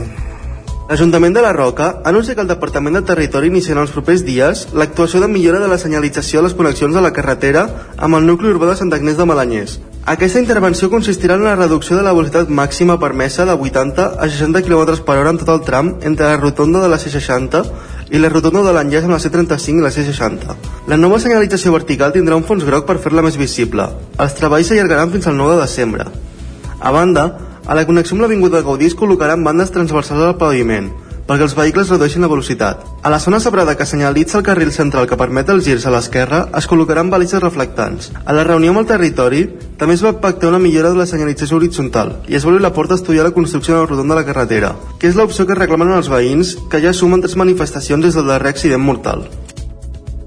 Gràcies, Pol. El ple de l'Ajuntament de Manlleu, d'altra banda, ha aprovat el pressupost municipal per aquest any, 2000, que, aquest any que ve 2023. És de 25 milions i mig d'euros, amb un increment del 10% respecte al d'aquest any, motivat, segons l'equip de govern, per l'increment de les despeses de personal i dels serveis. Sergi, digues. Tot i que la partida ve del pressupost d'aquest any amb 1,6 milions d'euros, la licitació i les obres de la nova comissaria de la policia local a l'Avinguda Puigmal constitueixen una de les principals inversions en el pressupost de l'Ajuntament de Manlleu per l'any vinent. Els comptes d'un total de 25 milions i mig d'euros creixen un 10% respecte a l'exercici anterior. En l'apartat d'inversions hi ha hagut un canvi d'última hora, amb reduccions d'altres partides per poder destinar mig milió d'euros a les obres dels vestidors del camp de de futbol que s'han encarit respecte a la previsió inicial per la, plu, per la puja del cost de materials. Tant el regidor de Serveis Econòmics, Eduard Robles, com l'alcalde Àlex Garrido insistien que el pressupost del 2023 està marcat per l'augment de les despeses del personal i de serveis i per la voluntat de no hipotecar el nou govern municipal que sortirà de les eleccions del proper mes de maig. L'escenari no és el mateix i l'augment eh, de les despeses és tan brutal que no tenir pressupost eh, perjudicava d'una forma eh, massa violenta. És un pressupost també que hem de tenir en compte que és de final de mandat i que per tant eh, com a inversions i com a instruccions que s'han donat des de serveis econòmics ha estat ficar com a inversions només aquells projectes que es puguin realment fer aquest any no ens serveix de res tenir pressupost a inversions que no estan ni plasmades en un paper ni que estan en plànol ni que estan en, en projecte perquè ja sabem que els terminis de l'administració la, de són com són El pressupost de l'Ajuntament de Manlleu va tirar endavant amb els vots de favor del govern que comparteixen Esquerra i Junts i dels dos regidors no adscrits, l'abstenció de la CUP i els vots en contra del PSC. Els dos grups van remarcar el poc temps que havien tingut per estudiar el pressupost des de divendres passat. El PSC considera que no es fan passos ferms en l'atenció a les persones, la promoció econòmica i el manteniment de l'espai públic i és crític amb els costs de la recollida de deixalles porta a porta. Albert Generó és de la CUP i Antoni Poyato del PSC. I tot i no compartir ni les formes ni part del contingut de, del pressupost, sent conscients d'aquesta situació eh, complexa, des de la CUP ens abstindrem. És la despesa més gran que, que en quant a augments que es faran aquest pressupost. Dolorosament els haig de dir que el sistema de recollida tal i com vostès l'han plantejat, està hipotecant el futur econòmic d'aquest Ajuntament i vostès ho han fet sense consensuar-ho amb tots els grups. Durant el ple, el regidor d'Habitatge, Rafa Cuenca, va anunciar que un projecte públic-privat en què participa l'Ajuntament ha estat seleccionat en una convocatòria dels fons Next Generation per a construir dues promocions de lloguer assequible, amb 31 i 38 pisos respectivament. També explicava que el consistori ha emès la primera sanció a un gran tenidor per incomplir l'oferiment del lloguer social, una multa de 90.000 euros que es destinaran a polítiques d'habitatge avancem, anem cap a Centelles, perquè aquest Ajuntament ha rebut una subvenció de la Diputació de Barcelona d'un milió i mig d'euros a través del programa Renovables 2030 per poder desenvolupar els projectes d'energia renovable del poble. El municipi disposarà d'un parc solar i de quatre instal·lacions de plaques fotovoltaiques en equipaments i aparcaments municipals. L'Ajuntament de Centelles projecta diferents actuacions amb un ajut d'1,5 milions d'euros del programa sectorial Renovables 2030 de la Diputació de Barcelona per avançar en el desenvolupament desenvolupament de les energies renovables al municipi osonenc. Part de la producció es destinarà a la comunitat energètica pública i edificis municipals. Amb el conjunt d'actuacions es preveu generar prop de 2.000 megawatts hora l'any d'electricitat verda i una reducció anual de 940 tones d'emissions de diòxid de carboni a l'atmosfera. El diputat d'Acció Climàtica Xesco Gomar i l'alcalde de Centelles, Josep Paré, van presentar els cinc projectes d'energia verda aquest dimarts al casal Francesc Macià, equipament on s'instal·larà s'instal·laran panells solars que generaran 81 megawatts hora per a l'autoconsum compartit entre edificis municipals i comportaran un estalvi d'emissions de diòxid de carboni estimat de 40 tones l'any. Josep Pare. Fins ara teníem un autoconsum a l'escola, un autoconsum a la piscina, un autoconsum a l'escola d'adults. Amb la instal·lació del teatre el que aconseguim és que l'Ajuntament, que per orientació de les taulades i la dimensió podíem generar un autoconsum molt, molt reduït, a través d'una instal·lació molt important en el teatre garantim que el teatre els caps de setmana pugui tenir autoconsum, l'Ajuntament durant la setmana i el més important que la biblioteca ubicada en un futur vecin doncs també tindrà aquest avantatge que es podrà nodrir energèticament d'una instal·lació pròxima el projecte més destacat pel que fa a la producció d'energia verda al municipi serà el polígon industrial de la Gavarra, una superfície de més de 10.000 metres quadrats on s'ubicarà un camp solar fotovoltaic amb més de 2.000 panells que generaran prop de 1.400 megawatts hora anuals que es destinaran a la xarxa de la distribuïdora municipal. Amb aquesta actuació es preveu un estalvi d'emissions de diòxid de carboni anual de 700 tones. Sentim a Josep Paré serà el primer parc de generar energia pública a Centelles. Aquesta energia, evidentment, revertirà en els clients de la comercial Centelles Gomar, per la seva banda, va destacar la importància d'aquests projectes que, amb Renovables 2030, acceleren la seva implementació. El diputat d'Acció Climàtica va parlar de l'impacte positiu que tindrà aquest programa. Quan tinguem executat el 100% dels Renovables 2030, estalviarem o deixarem d'emetre en el seu conjunt a la província 43.000 tones de CO2. El municipi a més projecta una instal·lació solar fotovoltaica a la coberta de la pista poliesportiva de l'escola Ildefons Cerdà i dues instal·lacions més, una a la zona esportiva i l'altra a l'Institut Pere Bernils. I continuem amb l'energia fotovoltaica perquè l'Ajuntament de Mollà comença la instal·lació dels, primer, dels primers panells en equipaments municipals, que era el Campàs, zona codinenca. Concretament s'estan instal·lant al sostre del pavelló municipal L'objectiu principal de la instal·lació és la generació d'energia elèctrica provinent de fonts renovables per poder abastir part del consum. Alhora, aquesta instal·lació pretén reduir la factura elèctrica i esdevenir un equipament més autònom i competitiu en reduir la seva dependència energètica. En concret, la instal·lació de 100 kW d'autoconsum compartit permetrà generar energia per al pavelló, per al camp de futbol i altres equipaments municipals. Es tracta d'un projecte amb un pressupost de gairebé 160.000 euros i que compta amb una subvenció de la Diputació de Barcelona del 90% del cost. La previsió de la constructora és acabar les obres a principis de gener. I el Ripollès Ribes de Freser farà una consulta popular entre els dies 9 i 15 de gener per denominar un espai del poble com a plaça 1 d'octubre. Isaac Muntades, la veu de Sant Joan. L'Ajuntament de Ribes de Freser va aprovar per unanimitat en el darrer ple la convocatòria d'una consulta popular no referendària per decidir si la plaça adjacent a la plaça del Mercat es denomina plaça de l'1 d'octubre. La votació, en què podran participar-hi les persones empadronades al municipi i majors de 16 anys, es durà a terme durant la setmana del 9 al 15 de gener i el dilluns 16 es farà el recompte. Hi haurà tres punts de votació repartits per la vila que seran a l'Ajuntament, l'Oficina de Turisme i a la Biblioteca Terra Baixa. Al consistori s'hi podrà votar als matins, a la tarda a la biblioteca i al cap de setmana a l'Oficina de Turisme. Els ciutadans ciutadans no podran votar en línia i en funció del resultat es decidirà si es denomina la plaça amb el nom proposat pel consistori. L'alcaldessa Mònica Sant Jaume va celebrar que la consulta tirés endavant després de tants tràmits burocràtics. Després de totes aquestes anades i vingudes d'aquest expedient, si es tramitava en institucions supramunicipals, passant ja al govern de la Generalitat de Catalunya, si tornava al, al Departament d'Exteriors, etc. podem arribar a la finalitat i al consens dels diferents grups municipals sobre sobre fer aquesta consulta popular no referendària. Cal recordar que la consulta s'havia de celebrar de l'1 al 10 de febrer del 2021 i va haver de posposar-se. El porteu de Tots Fem Ribes Esquerra Republicana, Joaquim Roquer, estava satisfet que la consulta es dugués a terme com el regidor de la CUP, Àlex Medrano. Altres ajuntaments i molts llocs tenen llocs, espais 1 d'octubre, però que han designat directament per l'alcaldia o per altres fórmules. Però el fet de fer una consulta és practicar la participació. Creiem que això, aquesta experiència que ara podem fer aquesta consulta no referendària la podríem aplicar en el futur a moltes altres coses. Aquesta proposta ve d'una moció feta per la CUP ja fa dos anys i escaig, però que la gent també ho sàpiga perquè moltes vegades arribem a consensos però no sabem d'on venen les coses. Ens ha costat molt, i hem insistit molt. Cada vegada que mirem i que estiguem en aquesta plaça doncs recordarem no? el que va significar per Catalunya per Ribes, i per Ribes de Freser aquesta jornada, si més no des del nostre punt de vista serà inspiradora per al projecte de país que volem construir. Els dos grups de l'oposició estaven satisfets que s'apostés per la participació ciutadana. Gràcies, Isaac. Ja s'ha instal·lat a la plaça Major de Vic el tradicional arbre de Nadal que il·luminarà de blau la plaça durant les festes nadalenques. Mentrestant, a Manlleu estan en plena construcció de la pista de gel. Sergi Vives. Vic ha instal·lat ja el tradicional arbre de Nadal, tota una icona de la ciutat en aquestes dates. A Manlleu, en canvi, s'estan muntant les pistes de gel del Bada Nadal, situades a la, a la plaça Fra Bernadí i que obriran al públic del 6 de desembre al 8 de gener. Com a novetat d'enguany es podran veure nous elements d'il·luminació nadalenca a la mateixa plaça i es recuperen les activitats i tallers i la creperia, que oferirà creps en una food truck al costat de la pista.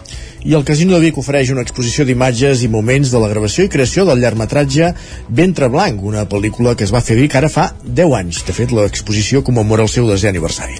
L'exposició que es podrà veure fins al 29 de gener és una iniciativa que vol commemorar el desè aniversari d'aquest singular projecte cinematogràfic bigatà. Ventre Blanc va néixer com una proposta cinematogràfica sorgida de l'interès de tres bigatans, Jordi Lara, Jordi Cruzats i Sergi Lladó, que el, 20, el 2009 volien rodar una videodansa protagonitzada pels, pels capgrossos de Vic que acabaven d'estrenar Vall. La proposta, però, va créixer fins a convertir-se en un llargmetratge de ficció que l'any 2021 es presentava com a World Premiere al Busa International Film Festival, després de guanyar la beca Ciutat de Vic. Amb això acabem, gràcies Sergi, acabem aquest repàs informatiu que començàvem al punt de les 10 en companyia de Sergi Vives, Isaac Muntades, Caral Campàs i Pol Grau. Moment ara de saludar també en Pep Acosta.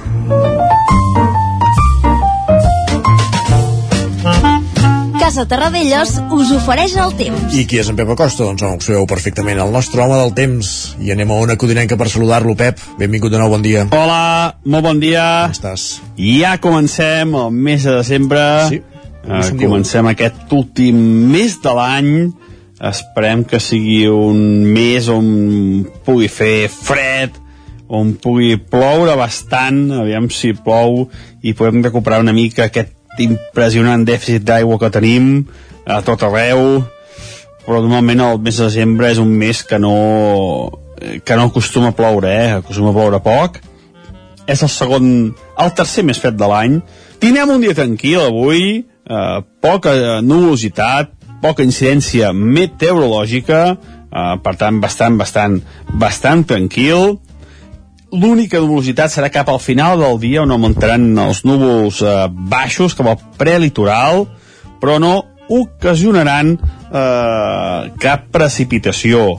Les temperatures màximes eh, semblants a les d'ahir la majoria entre els 10 i els 15 graus. A tot estirar eh, eh, les màximes superaran els 15 graus per molt poc, 16-17 graus uh, com a molt, com a molt. I algunes ciutats quedaran per sota aquests 10 graus, sobretot cap al Pirineu, temperatures màximes fins i tot per sota dels 10 uh, graus. A alta muntanya, glaçades durant tot el dia, ambient fred, i de cara a demà continuar aquest mateix panorama eh, potser una mica més una mica més d'inestabilitat però molt poca no hi ha, no hi ha manera que, que aquesta inestabilitat s'accentui i pugui ploure de manera més general. De moment no, no, no, no es veu, no es veu per enlloc. Uh, aviam si, si de cara als pròxims dies tenim alguna sorpresa agradable en aquest sentit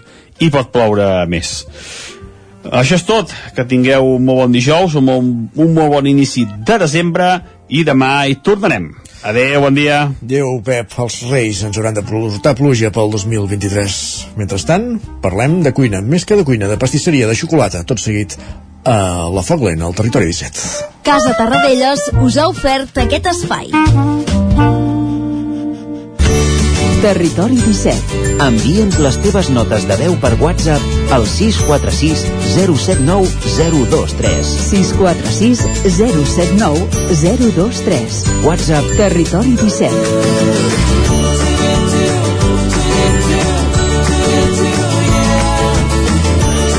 Territori 17. Som a Facebook, Twitter i Instagram amb l'usuari Territori 17.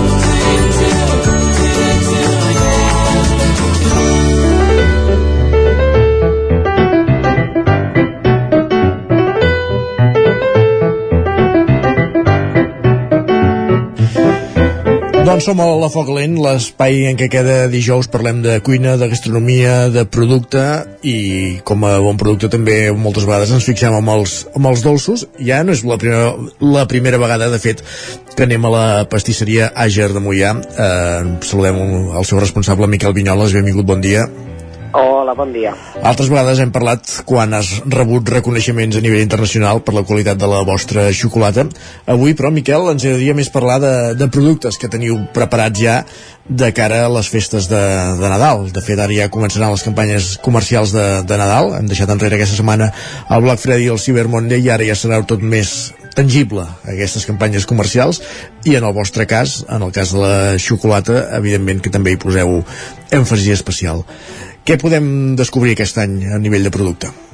A veure, aquest any, com cada any, fem molts torrons, o sigui, des dels torrons de xocolata, els que més ens demanen de xocolata actualment són els de trufat, xocolata i mar de cava, i també els de praliner i cruixent amb neula picada i banyat amb xocolata. Però ja fa uns anys que el que fem molt i ens demanen molt són panetones.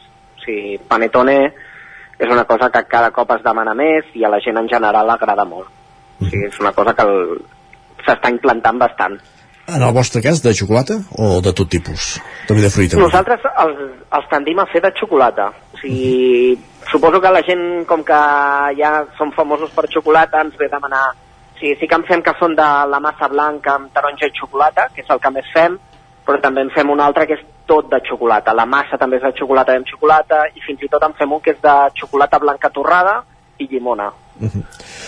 Abans, eh, fa una estona, durant el programa també eh, amb una secció que fem cada setmana sobre nova economia i que parlàvem d'àpats de Nadal, eh, hem fet el comentari que, que cada cop va a la baixa el consum de, de torró i us hem posat l'èmfasi amb, el, amb el torró clàssic, el de, el de Xixona.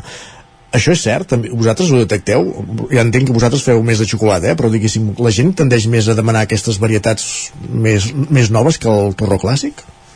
Uh, uf, no ben bé, o sigui, arribem a fer unes 17 varietats. 17. Ben bé nosaltres, entre Alacant, Xixona, el que sí que notem, per exemple, és que el torró dur, el que és Alacant, cada Sí. cop es demana menys, i es demana més el Xixona. Hi ha unes varietats de torró molt, molt clàssiques, que seria el de massapà fruita i el d'Alacant, que sí que van a la baixa, però en canvi el, el de Xixona i el de Llema, que són torrons molt clàssics, són dels cinc que més fabriquem. D'acord, no? és, és que hem fet aquest comentari, m'ha sobtat i he pensat, home, ara que tenim el Miquel al telèfon, li demanaràs amb ell també, perquè... No, per, per nosaltres tenir ho hem notat amb això, amb dos torrons molt concrets, o sigui, el d'Alacant i el de massapà fruita, que actualment ens el demanen molt poc. I els torrons de xocolata clar, es venen molt però un de Xixona i un de Llema es ven igual. O sigui, et dic que és dels cinc que més fabriquem, eh? El, aquests dos clàssics. Perfecte. Uh, aquests torrons de xocolata que feu vosaltres, evidentment, són amb, amb totes aquestes xocolates que ja hem comentat de vegades premiades en, en concursos internacionals. Diguéssim, quines particularitats té la xocolata o els torrons de xocolata de, de la pastisseria Àger? Particularitats? Sí, bueno, Bueno, de, de la qualitat de la xocolata o el tipus de La xocolata xocolata és molt bona, l'avellana, nosaltres fem servir avellana d'aquí Reus, l'avellana negreta, intentem que tot el producte sigui fins i tot el, el torró de mar de cava, el fem amb, un, o sigui, amb cava Torelló, mar de cava, intentem que tot sigui producte local i la xocolata que sigui nostra. O sigui, la resta d'ingredients que siguin a prop de la zona, d'aquí Catalunya, i la xocolata, clar, la fabriquem tota. Però prefereixo, sempre, utilitzeu sempre el mateix tipus de xocolata per fer torrons o en teniu diverses varietats? Tenim diverses varietats, o sigui, depèn del gust de xocolata, del gust del torró, perdona, farem servir una xocolata o una altra. Per exemple, un torró de taronja caramel a dintre portarà una xocolata amb llet i un altre torró tipus mar de cava portarà una xocolata negra més tipus 70%. Has de pensar quin públic va destinat. Un torró de mar de cava va un públic adult perquè té alcohol, no molt, però es nota una mica, i a la gent gran li agrada un xocolata negra. I un torró de taronja caramel va un públic més jove, llavors és un, una xocolata amb llet. Sí, sí. Parlaves d'això, eh, que feu 17 varietats de, de torró. Eh, eh, això en volum de producció, evidentment, són molts quilos de torró, no? Nosaltres som petits, eh? Sí, no, per això, però- a altres llocs som molt petits. Evidentment, però entenc que pel que comentes i pel volum de bueno, varietats i per... Ja tens un context... Sí, són quilis. Home, Nadal és una època en pastisseria que hi ha molta, molta, molta feina. Mhm. Però perquè et facis la idea de la proporció, amb torró no ho sé comparar amb altra gent, però en panetone, per exemple, nosaltres fem tirades de 35 panetones.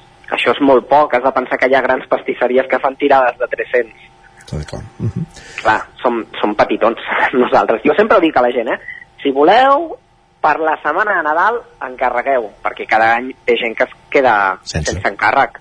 Dic, són setmanes que tothom ho vol per la mateixa setmana, dic sempre millor encarregar. Hi ha producte que, evidentment, suposo que s'ha de, de fer més al moment, però hi ha d'altre que deu poder tenir preparació. Quan comenceu a treballar, diguéssim, el producte de Nadal? Mira, ara a botiga han sortit tots els tipus i estan fabricats, excepte els que són de diabètic, que encara no els hem fet, i els de xocolata blanca, que encara no els hem fet. Però el torró de xocolata la gent no s'ha de preocupar. És un torró molt resistent que aguantaria molt temps, al igual que un de Xixona i un d'Alacant. Uh -huh. I són torrons que aguantarien fins l'estiu. El torró de llema, jo fer-se malbé no es fa malbé, però la gent li recomano. Escolta, nosaltres n'anem fent constantment. Agafa'l com a molt 15 dies, 3 setmanes abans de Nadal, si el vols per Nadal. Si el vols per menjar-te l'ara, agafa l'ara. Però un torró de base massapà, com seria això, el de llema, el de natanous, el de coco o el de crema catalana, són torrons que es van assecant a poc a poc. O sigui, tres setmanes. No es farà malbé, però no estarà igual. I els panetones? Panetone. Això és una història. No, perquè... El panetone, nosaltres li donem, a la gent li diem que l'agafi 15 dies abans que se'l mengin com a màxim. 15 dies, si m'estires molt, 3 setmanes. Hi ha llocs que els estiren dos mesos. Jo crec que no. I tinc molts companys de professió que opinen el mateix, eh? que un panetone amb condicions òptimes 15 dies, 3 setmanes. Després va perdent, no és el mateix. Tu proves el mateix panetone d'un d'aquí mateix amb 15 dies i amb un mes, i el d'un mes diràs està bo, però quan provis el de 15 dies diràs, buah, aquest està molt bo, canvia. Es nota, es nota. El Panetone ha transformat una mica la, la, la pastisseria Nadal a casa nostra en els últims 10-20 anys, per entendre'ns, i suposo que vosaltres com a pastissers també heu hagut de fer una immersió eh, a fer aquest tipus de producte, perquè no és una cosa senzilla d'elaborar, de, d'elaborar, no? Panetone és un producte super complicat en pastisseria, és una cosa super tècnica. És una, és una massa que es fa amb massa mare, o sigui, no porta llevat com el que coneixem de llevat del pa, sinó que es fa amb una massa mare i té un creixement molt lent, tarda 3 dies.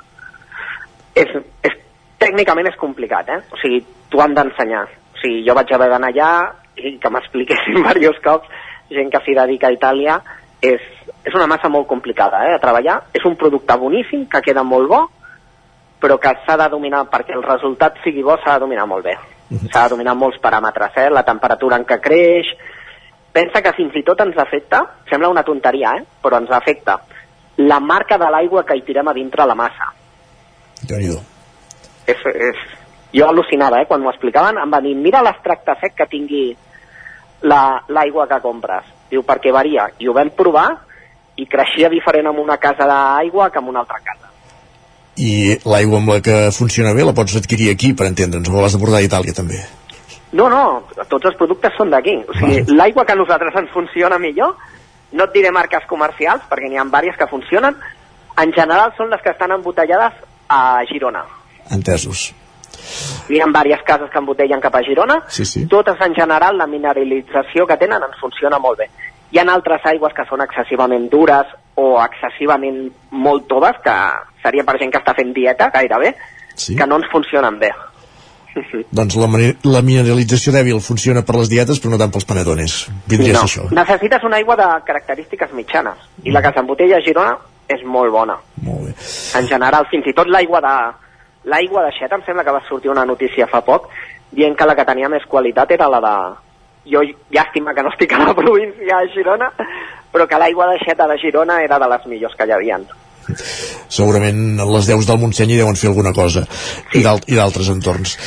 Uh, I no sé què ens queda més de comentar, de producte de Nadal, torrons, panetone, algun altre element que tinguem en compte per aquestes festes? I neules. Neules. O sigui, són També el bàsic, torrons, panetone i neules. És el, el bàsic. Evidentment. Neula, I la també les feu es vosaltres, conserva. eh? Sí, la neula es conserva, no hi ha cap problema. O sigui, que la gent vigili que no se li trenqui, perquè és un producte delicat, però és un producte que el pots comprar amb molt de temps, que no, no si està tancat és super resistent. No té humitat, per tant no hi pot créixer cap cosa allà dintre. És tot terreny.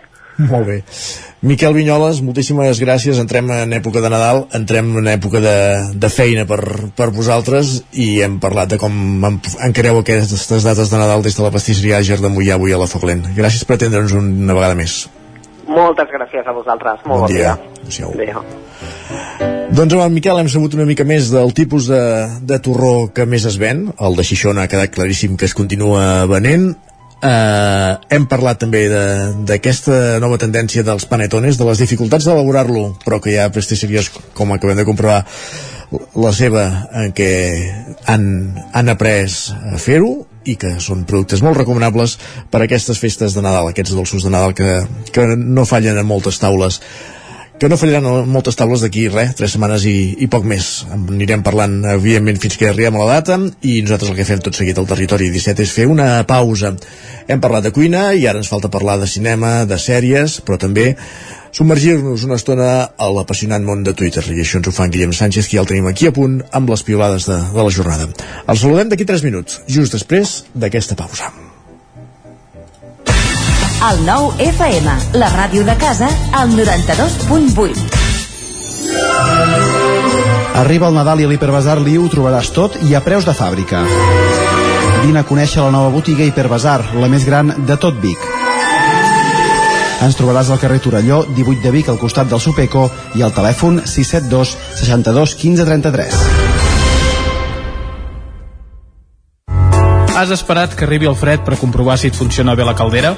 No pateixis, a Casa Jové som especialistes en manteniment, reparació i revisió d'equips d'aigua calenta i calefacció, tant en l'ambient domèstic com industrial. Si tens una avaria, no ho dubtis. Som Casa Jové. Ens trobaràs al carrer Girona, número 9 de Vic, i al telèfon 93 886 1596. Casa Jové, el teu servei tècnic de confiança. Per a qui seria perfecte aquest piano de jugueto? Per a nens que donin la nota.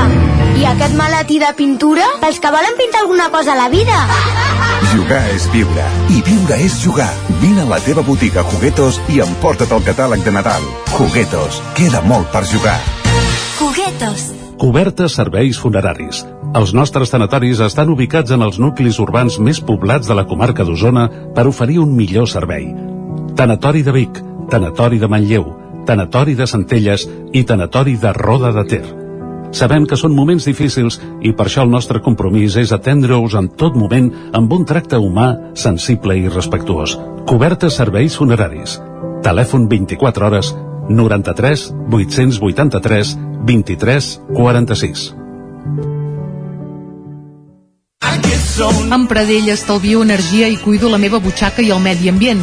Posa't en mans de Pradell. Són experts en calderes de gas i condensació, estufes de pèl·let, energia solar, terres radiants, geotèrmia i aerotèrmia.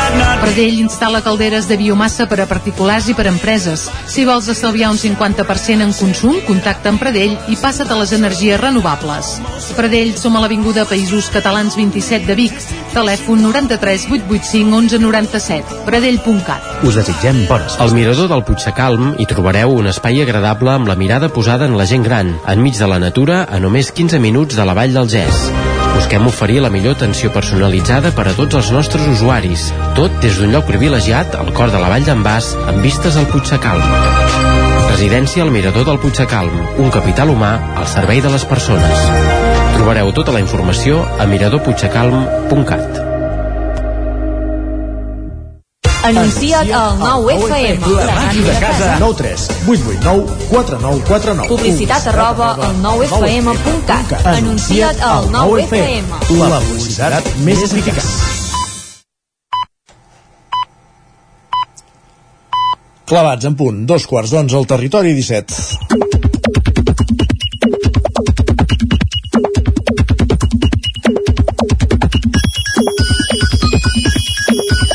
I a dos quarts d'onze en punt, com cada dia, tenim a l'estudi en Guillem Sánchez. Amb ell repassarem les piulades més destacades que han trobat a Twitter els darrers dies, Guillem. Què tal, com estem? Bé, i tu? Doncs bé, de moment anem fent. De moment anem m'agrada. Mm, encetarem un debat que no sé si també t'hi voldria sumar o no, Isaac, Ja, a veure. provem-ho. Ens escriu l'Adrià, diu, al Pol Nord hi fa fred, però als pisos d'estudiants encara en fa més. Això de posar calefaccions... Enviarem o- els estudiants del Pol Nord i, i amb si quan torna de- pensa el mateix. Les respostes no s'han fet esperar al tuit de l'Adrià. Altres usuaris comentaven però així podeu dormir tots plegats al mateix llit per escalfar-vos. Propostes que... És una opció. És una opció. O en Josep que ens diu gràcies als pisos d'estudiants que ajuden a frenar l'augment de la temperatura global. Després direm que la canalla d'avui en dia no són prou activistes. Doncs mira, si hi ha gent que en posa de més, a d'altres llocs se n'ha de posar de menys i ja està, i queda compensat Sí, tot. sí. Queda compensat tot. El que estaria bé és que potser algú, o, algun d'aquests que em posa de més sigui el veí del pis d'estudiants i mira tot així, així d'aquesta manera rasquen una mica. Coses que, que tindrien guanyades. Va, la Núria té un dubte vinculat precisament amb els estudiants. La llegim, ens diu Algú em pot dir què he de fer amb els alumnes que estan a la universitat i no saben els números romans? Si, si fos els números romans, rai. O sigui, per, sí. És més preocupant que no sàpiguen altres coses? O... Que no sàpiguen escriure, per exemple, que no Per sàpiguen l'ortografia. Hi ha, gent per, hi ha gent per això que hi aporta solucions i, per exemple, en llegim alguna com aquesta que diu un dia de bingo en números romans i s'ho aprenen bé. Diu, jo ho faig a l'institut. Doncs mira, és una, és una opció de poder fer un bingo amb números romans. Sí. I mentrestant la Nina ens Llavors diu... com ho fas? Cantes X? Palito, palito. Clar, això entenc que ho has de projectar a la, a la pissarra o amb Ah, alguna pantalla, o al, diria jo, eh? Sense, sense conèixer més detall, eh? Per tant, és una, és una opció. I la Nina ens escriu, i de nanos d'institut que no saben llegir un rellotge de busques, què me'n dieu? També, també. Em també sembla que tothom ja anem... Jo sí que he de dir que hi ha moments en què li dius a alguna persona mig jove falten 5 minuts per 3 quarts d'11 del, del matí i, i et mira amb una cara com, com Sí, sí, dient... però el problema el té ell. Sí, sí, evidentment. És a dir, uh, l'incul és ell. Evidentment. E- Ell es pensarà molt espavilat, però, però el tonto és ell, en aquest cas. Jo encara ho sé dir en aquest sentit. Va, però vinga, és hora de sentar-nos en altres coses. En dies en què les campanyes de compres i subscripcions són el dia a dia de qualsevol persona, m'ha fet molta gràcia la reflexió de l'alcalde de Molló, en Pep Coma. Què diu? Que diu, m'he donat de baixa d'11 butlletins i correus de diferents entitats a les quals mai m'he subscrit. Alerta, Com- és, és tendència, ho vaig fer la setmana passada, jo. Sí? Ah, doncs mira, diu, com pot arribar aquesta quantitat de correu no desitjat? Doncs mira, doncs mira. Doncs sí, sí. En Pep li, li passa, i no deu ser l'únic eh, que, li, que li passa, que li arriben subscripcions i coses que, que em sembla que no, no a vegades no, no tenim record d'haver-nos eh, donat d'alta. I va, i molt bo el missatge de l'Anna, que ens escriu truquen a la meva mare i sento que parla com un camell. Atenció, diu, ara no puc. No, no. Sí. Hi ha la meva filla. No, ella no. Vinga, fins després. Diu, eren del Consell de la República. Ah. Encara n'hi ha d'aquests. Encara n'hi ha que deuen trucar demanant per ells. Ai, i, no, I si no sabeu què fer el cap de setmana o els dies de festa que vindran, us recomanem que passeu per Sant Feliu de Codines. Crec que Isaac, que ahir també vas repiular alguna cosa, em Ja. sembla. bueno, més que repiolar van fer un directe des d'allà. Sí? És la, la del bar de les multes. Correcte, Home, correcte, tant. doncs vinga. La Caral se'n va anar al bar i ens va connectar en directe. Sí. Recordem-ho ella a la barra de Cantalet que s'ha convertit en una exposició de multes d'aquest radar del C59 a l'alçada de, del cementiri de Caldes. Jo, si passo per allà, et juro que faré parada i ens farem una foto, evidentment, amb la, amb la barra i amb totes les, les multes que... Home, i, esmorzaràs, com a mínim. O dinaràs, o el que faci falta. Jo, sí, uh, si, si em volen convidar també... Molt bé. També ho agafo, eh? I va, uh, anem a repassar un parell de tuits més. el, el radar aquest, pel que explicàvem ahir, eh, clar, multava una velocitat que no estava senyalitzada, per tant, aquí hi haurà en renou. Hi haurà una mica d'enrenou. Sí, va, i avui que som dia 1 de desembre, Primer de 1 desembre, de desembre Dia Mundial contra la Sida. La Montserrat ens fa una pregunta. Pregunta, Montserrat. Ja teniu preparat el calendari d'advent? Tu el tens a casa o no? No encara. No encara? De fet, no. Entrarà o no entrarà a casa? L'altre dia al- algú em va temptar a comprar el calendari de, de Kinder Bueno, però no, no vam, no vam caure. No hi vam caure. Jo hagués caigut, ja t'ho dic que sí. I ja ho sabeu, en aquesta època toca seguir també un seguit de coses que ens recorda la Noemí. Ens diu el concert de Nadal, l'avaluació, l'àlbum, la postaleta, el poema, el calendari d'advent, l'amic invisible, guarnir el passadís, em peta el cervell. Queden molts dies, queden moltes coses, queda molt desembre, però, però bé, a veure si el passem de la, de la millor manera possible. Sense pluja ens ha dit en Pep Acosta. Què hi farem? I amb molt, i amb molt mercat, no? Amb molt mercat me- medieval a partir Però de això, la això setmana. seran que ve. quatre dies la setmana que ve, sí. Esperem que siguin pocs, va. Un, un de territori 17 i prou. Vinga, que vagi bé. Fins a la... Ens veiem, Guillem. Que vagi bé.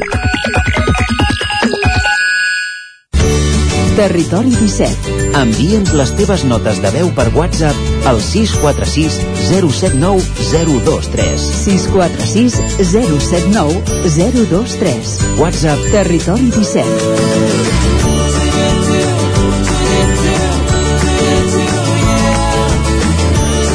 Territori 17. Som a Facebook, Twitter i Instagram amb l'usuari Territori 17.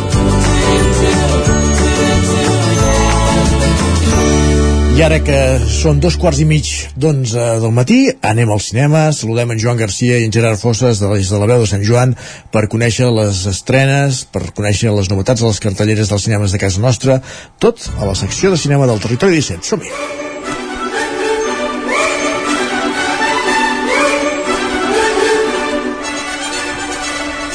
I una setmana més, moment de parlar amb en Gerard Fosses per saber què fan al cinema aquest cap de setmana. Hola, Gerard. Hola, què tal? Avui encara ja comencem a estar amb l'esperit de, del Nadal i anirem molt ràpid i els hi regalarem uns quants minuts uh, més de l'habitual a, a la gent de les sèries. Per tant que, Endavant. vinga, Se'ls mereixen. exacte, que, que n'hi ha moltes també. Um, amb, què vols, amb què vols arrencar? Mira, doncs arrencarem amb una pel·lícula d'un director que, que està més aviat habituat a, a la sèrie, justament. Ha treballat amb, amb The Affair, amb Juego de Tronos, Shameless, amb Succession també, i, i ara arriba amb una pel·lícula, a més a més amb un repartiment coral fantàstic, eh, que es titula El Menú. Esta noche será una locura. Bienvenida. Trataremos de que su velada sea lo más agradable posible.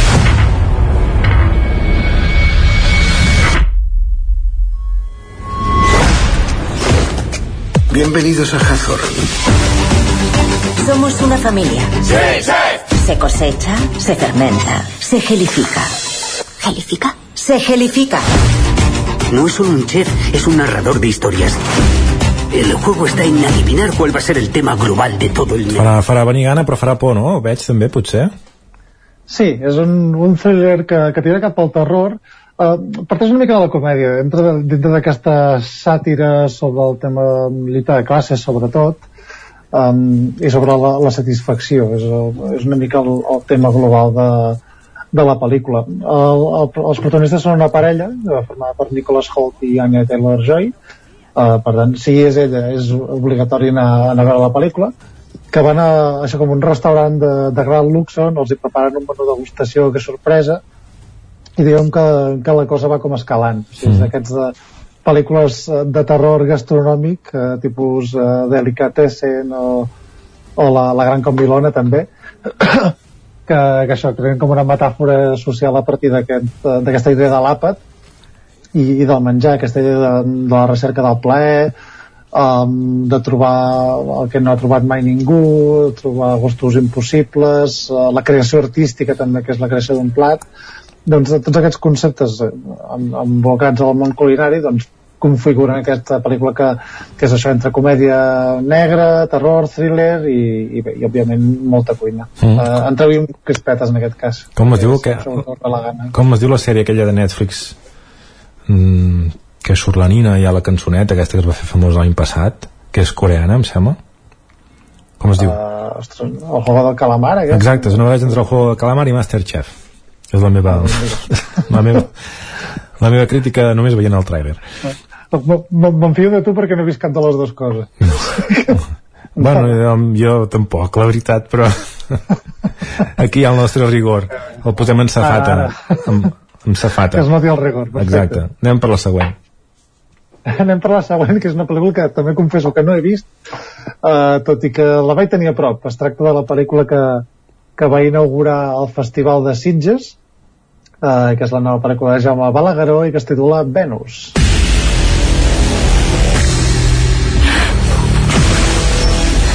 Lucía se ha metido en un marrón muy gordo. Coño, ¿es esto, Lucía? Ni Dios la ha visto. La chica está ahí. ho recordo, eh? Um, que, um, que això, que, um, que te la vas perdre no, no, no sé exactament per què.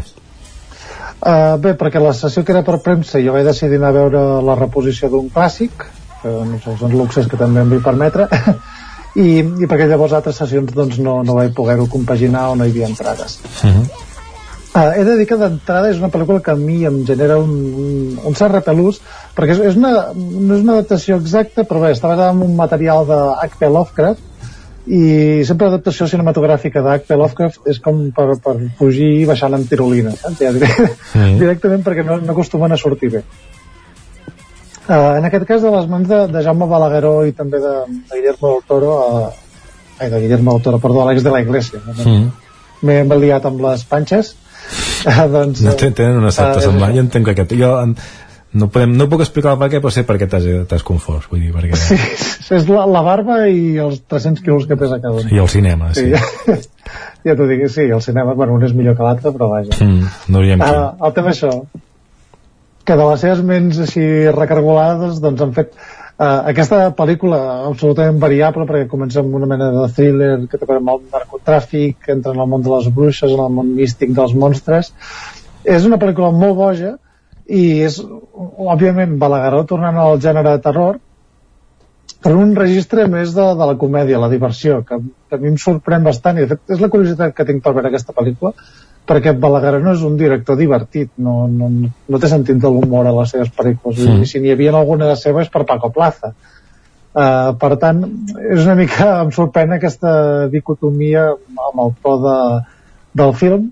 Um, ara bé, hi ha una gran Esther Expósito com a protagonista com a, com a Final Girl, i tota aquesta barreja de temes doncs, també funciona bastant bé. És una pel·lícula fonamentalment distreta i de la qual òbviament van sortir opinions bipolars entre els que esperaven molt i els hi va agradar menys i els que no esperaven gaire i els hi va agradar més de, del que es pensaven. Per tant, anem al cinema amb les expectatives justes i, i amb ganes de disfrutar. Molt bé, doncs vinga, va, per la tercera. Anem per la tercera que és una seqüela de d'un èxit del, del, del, eh, del sistema anava a dir. una mica també una, del cinema espanyol de, un film de Santiago Segura que es va estrenar fa un temps que es deia A todo tren i ara arriba A todo tren 2 i el subtítol que és Sí les ha pasado otra vez Chicos, daos prisa. ¿Y el abuelo no viene con nosotros? ¿El abuelo? Después de la que lió el año pasado. Venga, que no podemos llegar tarde al tren. ¿Estás segura que no quieres que te acompañe? No vas a poder con ellos tú sola. Es que no voy sola. Voy con una persona mucho más centrada que tú. Susana, más conocida como Susana la Flipada. No sabéis lo que me ha costado encontrar un taxi con la matrícula capicúa. Obviamente ese viaje no va a ser el desmadre del año pasado. Un, un momento. ¿Y Pablito? ¡Pero si está fuera! Es un poco de escaparse. ¡No te bajes! ¡No! No puede ser. Mamá, estás pálida. Date colorete, corto y cambio. Nos compramos un billete de avión y nos vamos. Imposible. Tengo pánico. Molt bé, me'n recordo quan Santiago Segura feia, era, era com l'avantguàrdia del, de l'humor, no? Sí, sí, ja, sí. I ara ja s'ha convertit. Uh, Uh, doncs en això, en, en fer comèdies un caràcter molt comercial, orientades a públic familiar, i que pel que sigui doncs funcionen molt bé. Aquí ja no, ja no entrem amb gustos. Mm. i bé, al final és que li, li han pogut produir aquesta seqüela en aquest cas dirigida per Inés de León no, no la dirigeix ell, tot i que sí que apareix tant ell com Leo Harlem que eren els protagonistes de, de l'última pel·lícula.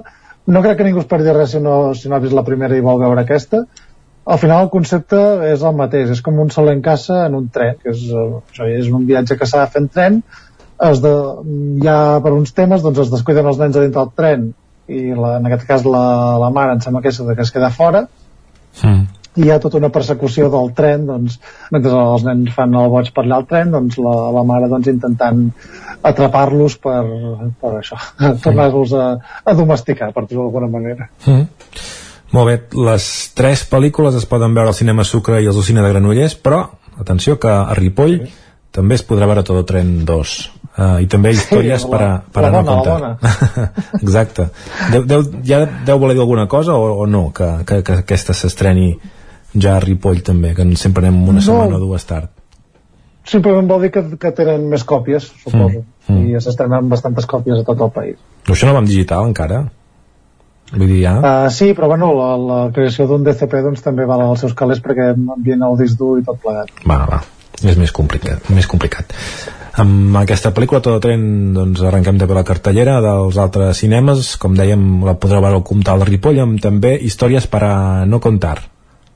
Exacte, pel·lícula de Cesc Gai que el van estrenar la setmana passada per tant un doble estrena de, de cinema espanyol. Mm. El cas del Camprodoni a hores d'ara encara no, no ens ho han publicat. Cinema Catalunya de Ribes l'òpera Rigoletto i Los renglones torcidos de Dios Sí, aquesta pel·lícula és un, un thriller molt, que, que és molt interessant, que va debutar al Festival de, de Màlaga, també de producció espanyola, i que anem amb la temàtica, i a més a més, com que ja s'allarga el pont, doncs també dic que, que arribes, doncs, eh, també amplien l'oferta. El, el dia 6 fan Smile, pel·lícula, la pel·lícula de terror de l'any, la, la més taquillera, almenys, sens dubte, i també fan Viaje al Paraíso recordem amb, mm. protagonitzada per, per actors de d'anuncis és un anunci llarg amb en George Clooney sí, i la Julia Roberts molt bé sí, sí. Esbarjo Cardedeu, a La Calma, cinquè, o La Calma, cinquè cicle de cinema d'esport de Cardedeu, Tori Loquita, Operació Pare Noel i La Maternal, també ja pensant també en el, en el, en el pont. Exacte, ja ens situem a tota la setmana. Recordo, sobretot, Tori Loquita, pel·lícula magnífica dels germans Dardenne. També Operació Paranovel és una pel·lícula d'animació infantil molt, molt bonica. I La Maternal, que també en vam parlar quan, quan es va estrenar, eh, seguint amb tendència de, de cinema espanyol també. Mm. El cinema L'Ambra de la Garriga, Un món estrany, la de Disney, Històries per a no contar i Asbestas. Sí, d'aquestes les hem comentat, una estrany pel·lícula de Disney, eh, històries per a contar del Cesgai, també que es va estrenar la setmana passada, i Els Vestes, que es manté per tercera setmana en cartellera. Em fa molta gràcia que posin quantes setmanes porta en cartellera, és molt de, de cinema d'abans. De, no, sí, de blockbuster, no? No, no t'ho esperes amb una, amb un, Exacte. amb un cinema petit. A l'Alter de Torelló, una joven prometedora i la mujer que escapó. Sí, una joven prometedora és aquesta pel·lícula que, que va guanyar l'últim guió, uh, això, Òscar al millor guió, amb pel·lícula això, de noia que es venja de, de les masculinitats tòxiques i, i La mujer que escapó, que és l'última obra de, de Hong Sang-so, que és una bona oportunitat per, per veure aquesta pel·lícula del director coreà, perquè ha tingut una estrena molt limitada a tot el país. Mm -hmm. I veig que no, no ho tens anotat perquè el, el cineclub um, dius que fa com vacances de... Sí. però el cineclub fem vacances pel pont però veig que uh, el, aquest dijous sí que n'hi ha una a les 8 que és uh, White Belly ara Ah, sí, és veritat, sí, és veritat. Tenim el ventre blanc, no, és que ha estat com una aparició d'última hora, que t'he dir que també me'n vaig adonar així com de, mm. de resquitllada, que és una pel·lícula que, que es va rodar fa uns anys, em sembla que els directors són bigatans, i està relacionat amb una exposició que fan també al Casino de Vic. Mm. Per tant, aquest dijous, doncs això hi ha la projecció de, d'aquest film català que s'ha titulat mm. Entre Amb guió d'en Jordi Lara, que és qui va escriure també el, aquesta pel·lícula um, biogràfica d'en Xirinax que també va estrenar aquest any, aquesta segona part de l'any. Mm. Molt bé, doncs, Uh, Gerard, bon pont. Vinga, igualment, bon pont i que tingueu temps per veure pel·lícules i sèries, també. I tant. Que vagi molt bé. Adéu-siau. Adéu-siau. Adéu. Territori 17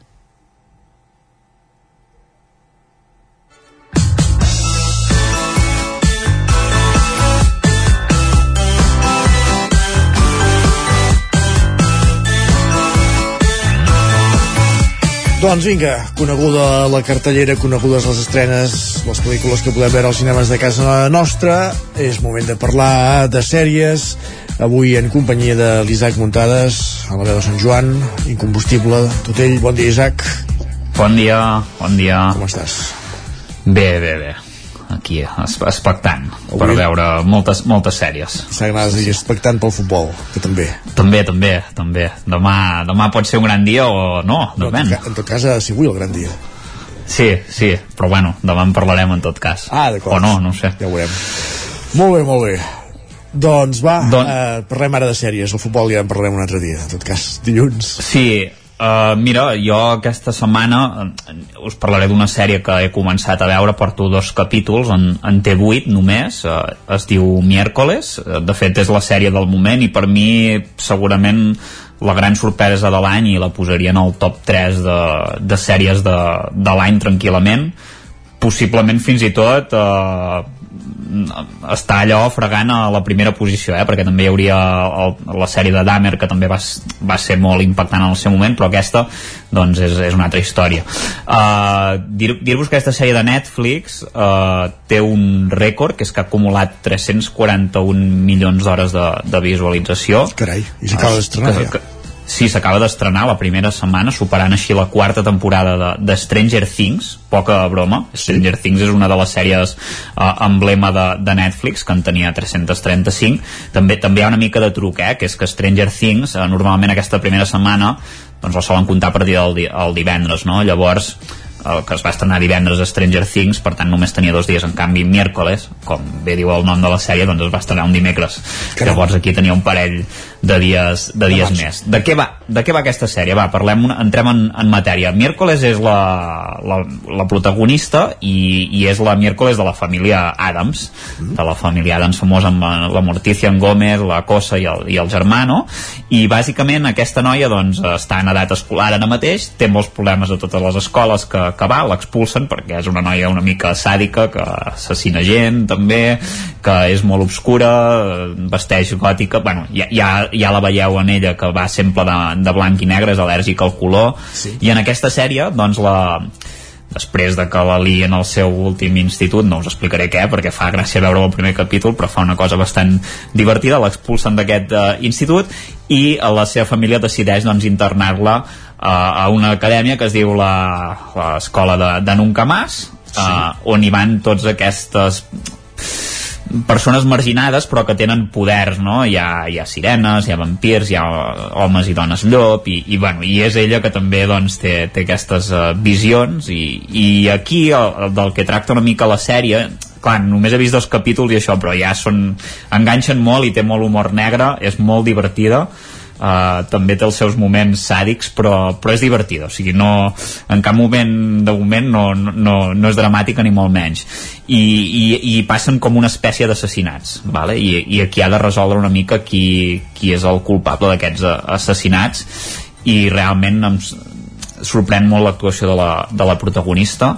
Mm, que ara no, ara no recordo com es diu l'actriu la, que, que l'interpreta. Sí, em sembla que és Gina Ortega exacte, sí, exacte no, la Cristina Ricci apareix a la, a la sèrie, és sí. una de les professores, però havia interpretat la Miércoles en, la, en aquella pel·lícula de Beetlejuice dels anys 90, si no recordo malament, tan, tan famosa, que també crec que hi havia la família Adams també, doncs eh, sí que apareix, però en aquest cas doncs, fa, fa aquest paper. Sí, la, la Gina Ortega, que és una actriu de, de 20 anys, em sembla molt, molt jove, que ja ha fet diverses doncs, sèries i que jo crec que aquí s'erigeix com una, bueno, com una actriu molt, que, que té futur realment, que és protagonista i que, i que fa, ho fa molt bé.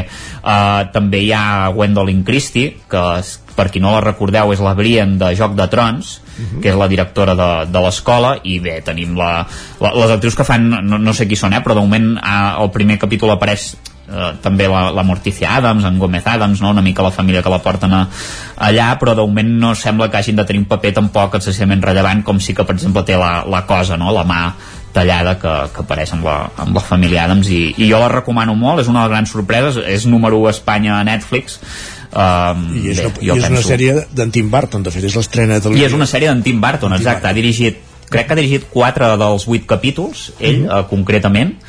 Uh, vull dir que realment, bueno, en Tim Burton és un especialista en aquestes pel·lícules així, anava a dir de terror, però de terror una mica també curiós, eh? No és allò terror-terror excessiu i, i bé, molt, molt bona sèrie i molt, molt recomanable, sens dubte. Doncs la primera recomanació, la sèrie de l'any ja, segons l'Isaac Muntades, s'acaba d'estrenar miércoles. Què més, de què més podem parlar avui? A veure, uh, si voleu us puc avançar una mica, no sé si també en parlem la setmana que ve, de, de 1889, que és aquesta sabem, sèrie... Sabem, de... sabem que en Pol se l'està mirant.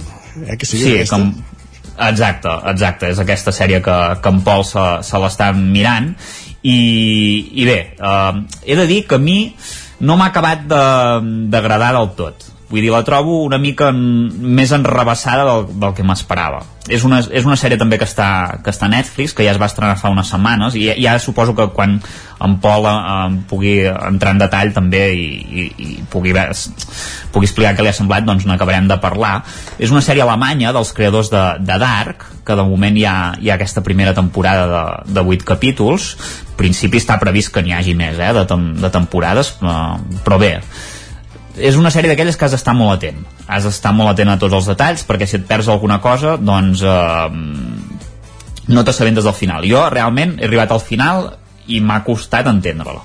Així com amb Dark també era molt enrebaçada però tot tenia un sentit eh, que Dark és aquella sèrie que feia viatges en el temps no? a Alemanya que eh, hi havia una persona que anava enrere en el temps que després en l'edat eh, quan arribava a l'època actual doncs eh, s'explicava tot, bueno, era, era molt enrebaçada però aquesta va eh, tracta d'una tripulació vale? que bueno, van, van amb un vaixell que es diu el, el Prometheus i creuen la- l'Atlàntic per anar fins a Nova York i aquí tots els personatges que hi ha en aquesta sèrie de, que són provinents de diferents països doncs els comencen a passar una sèrie de coses paranormals quan troben un vaixell fantasma que s'havia perdut quatre mesos abans de la mateixa companyia i aquí entra una mica la ciència-ficció, la sèrie és més... Um, hi ha més tocs de modernó perquè això passa el 1899 i diguéssim que, bueno, que ja, ja veureu que té un desenllaç totalment inesperat uh, i, i hi ha girs de guió però ja et dic, a mi no m'ha acabat de... així com molta gent li ha agradat la, la sèrie jo, per mi m'ha fallat una mica. Jo entenc, eh, que no... també tindrà més temporades. Jo entenc eh, que tu no t'acabi de convèncer, ja, ja pel títol. Ui, Que, no perdon, sé, no perdoneu que som, us he perdut Has un moment ah, sí, no sé, ara, ara, em sents ara? Sí, sí, perdoneu, que se m'han desconnectat els auriculars. Ja ho veig. Entenc que no, que no, t'a- que no t'acabi de convèncer ja només pel títol. 1899 neix el Sí, club exacte, és l'any de, l'any de fundació d'un equip Eh? enemic. Per tant, sí, sí, exacte. Ja, ja no, no. Pots, pots imaginar que, ja podeu imaginar que no t'acaba de convèncer. Sí, sí. I això que hi ha actors que són bons, eh? que han aparegut en, en Sí. altres eh, sèries d'aquest estil. I, El, club, dir, el Club Blaugrana també hi ha jugadors que són bons, que quan juguen amb la Roja són fantàstics, eh? Exacte. Avui ho podreu comprovar. Exacte. Molt bé, Isaac. Alguna cosa més? No, no, no. La setmana que ve esperem parlar doncs, amb en Pol, que ens, ens doni la seva opinió de, de la sèrie, a veure si li ha, si li ha agradat o no. 1899 i miércoles, totes dues propostes de, de Netflix. Ens anotem aquesta de, de miércoles, una de les sensacions de, del moment que està batent rècords com bé deies Isaac i de la qual ens sentirem a parlar segurament. Una, un matís, miércoles va néixer en Viernes 13 ah, que això també és una cosa que s'explica a la sèrie que jo no ho sabia i és curiós. Doncs queda tot dit i anotat. Gràcies Isaac, un dijous més. Vosaltres, adeu bon dia i amb les recomanacions de sèries, amb la cartellera cinematogràfica abans, acabem el territori 17 d'aquest primer de desembre de l'any 2022.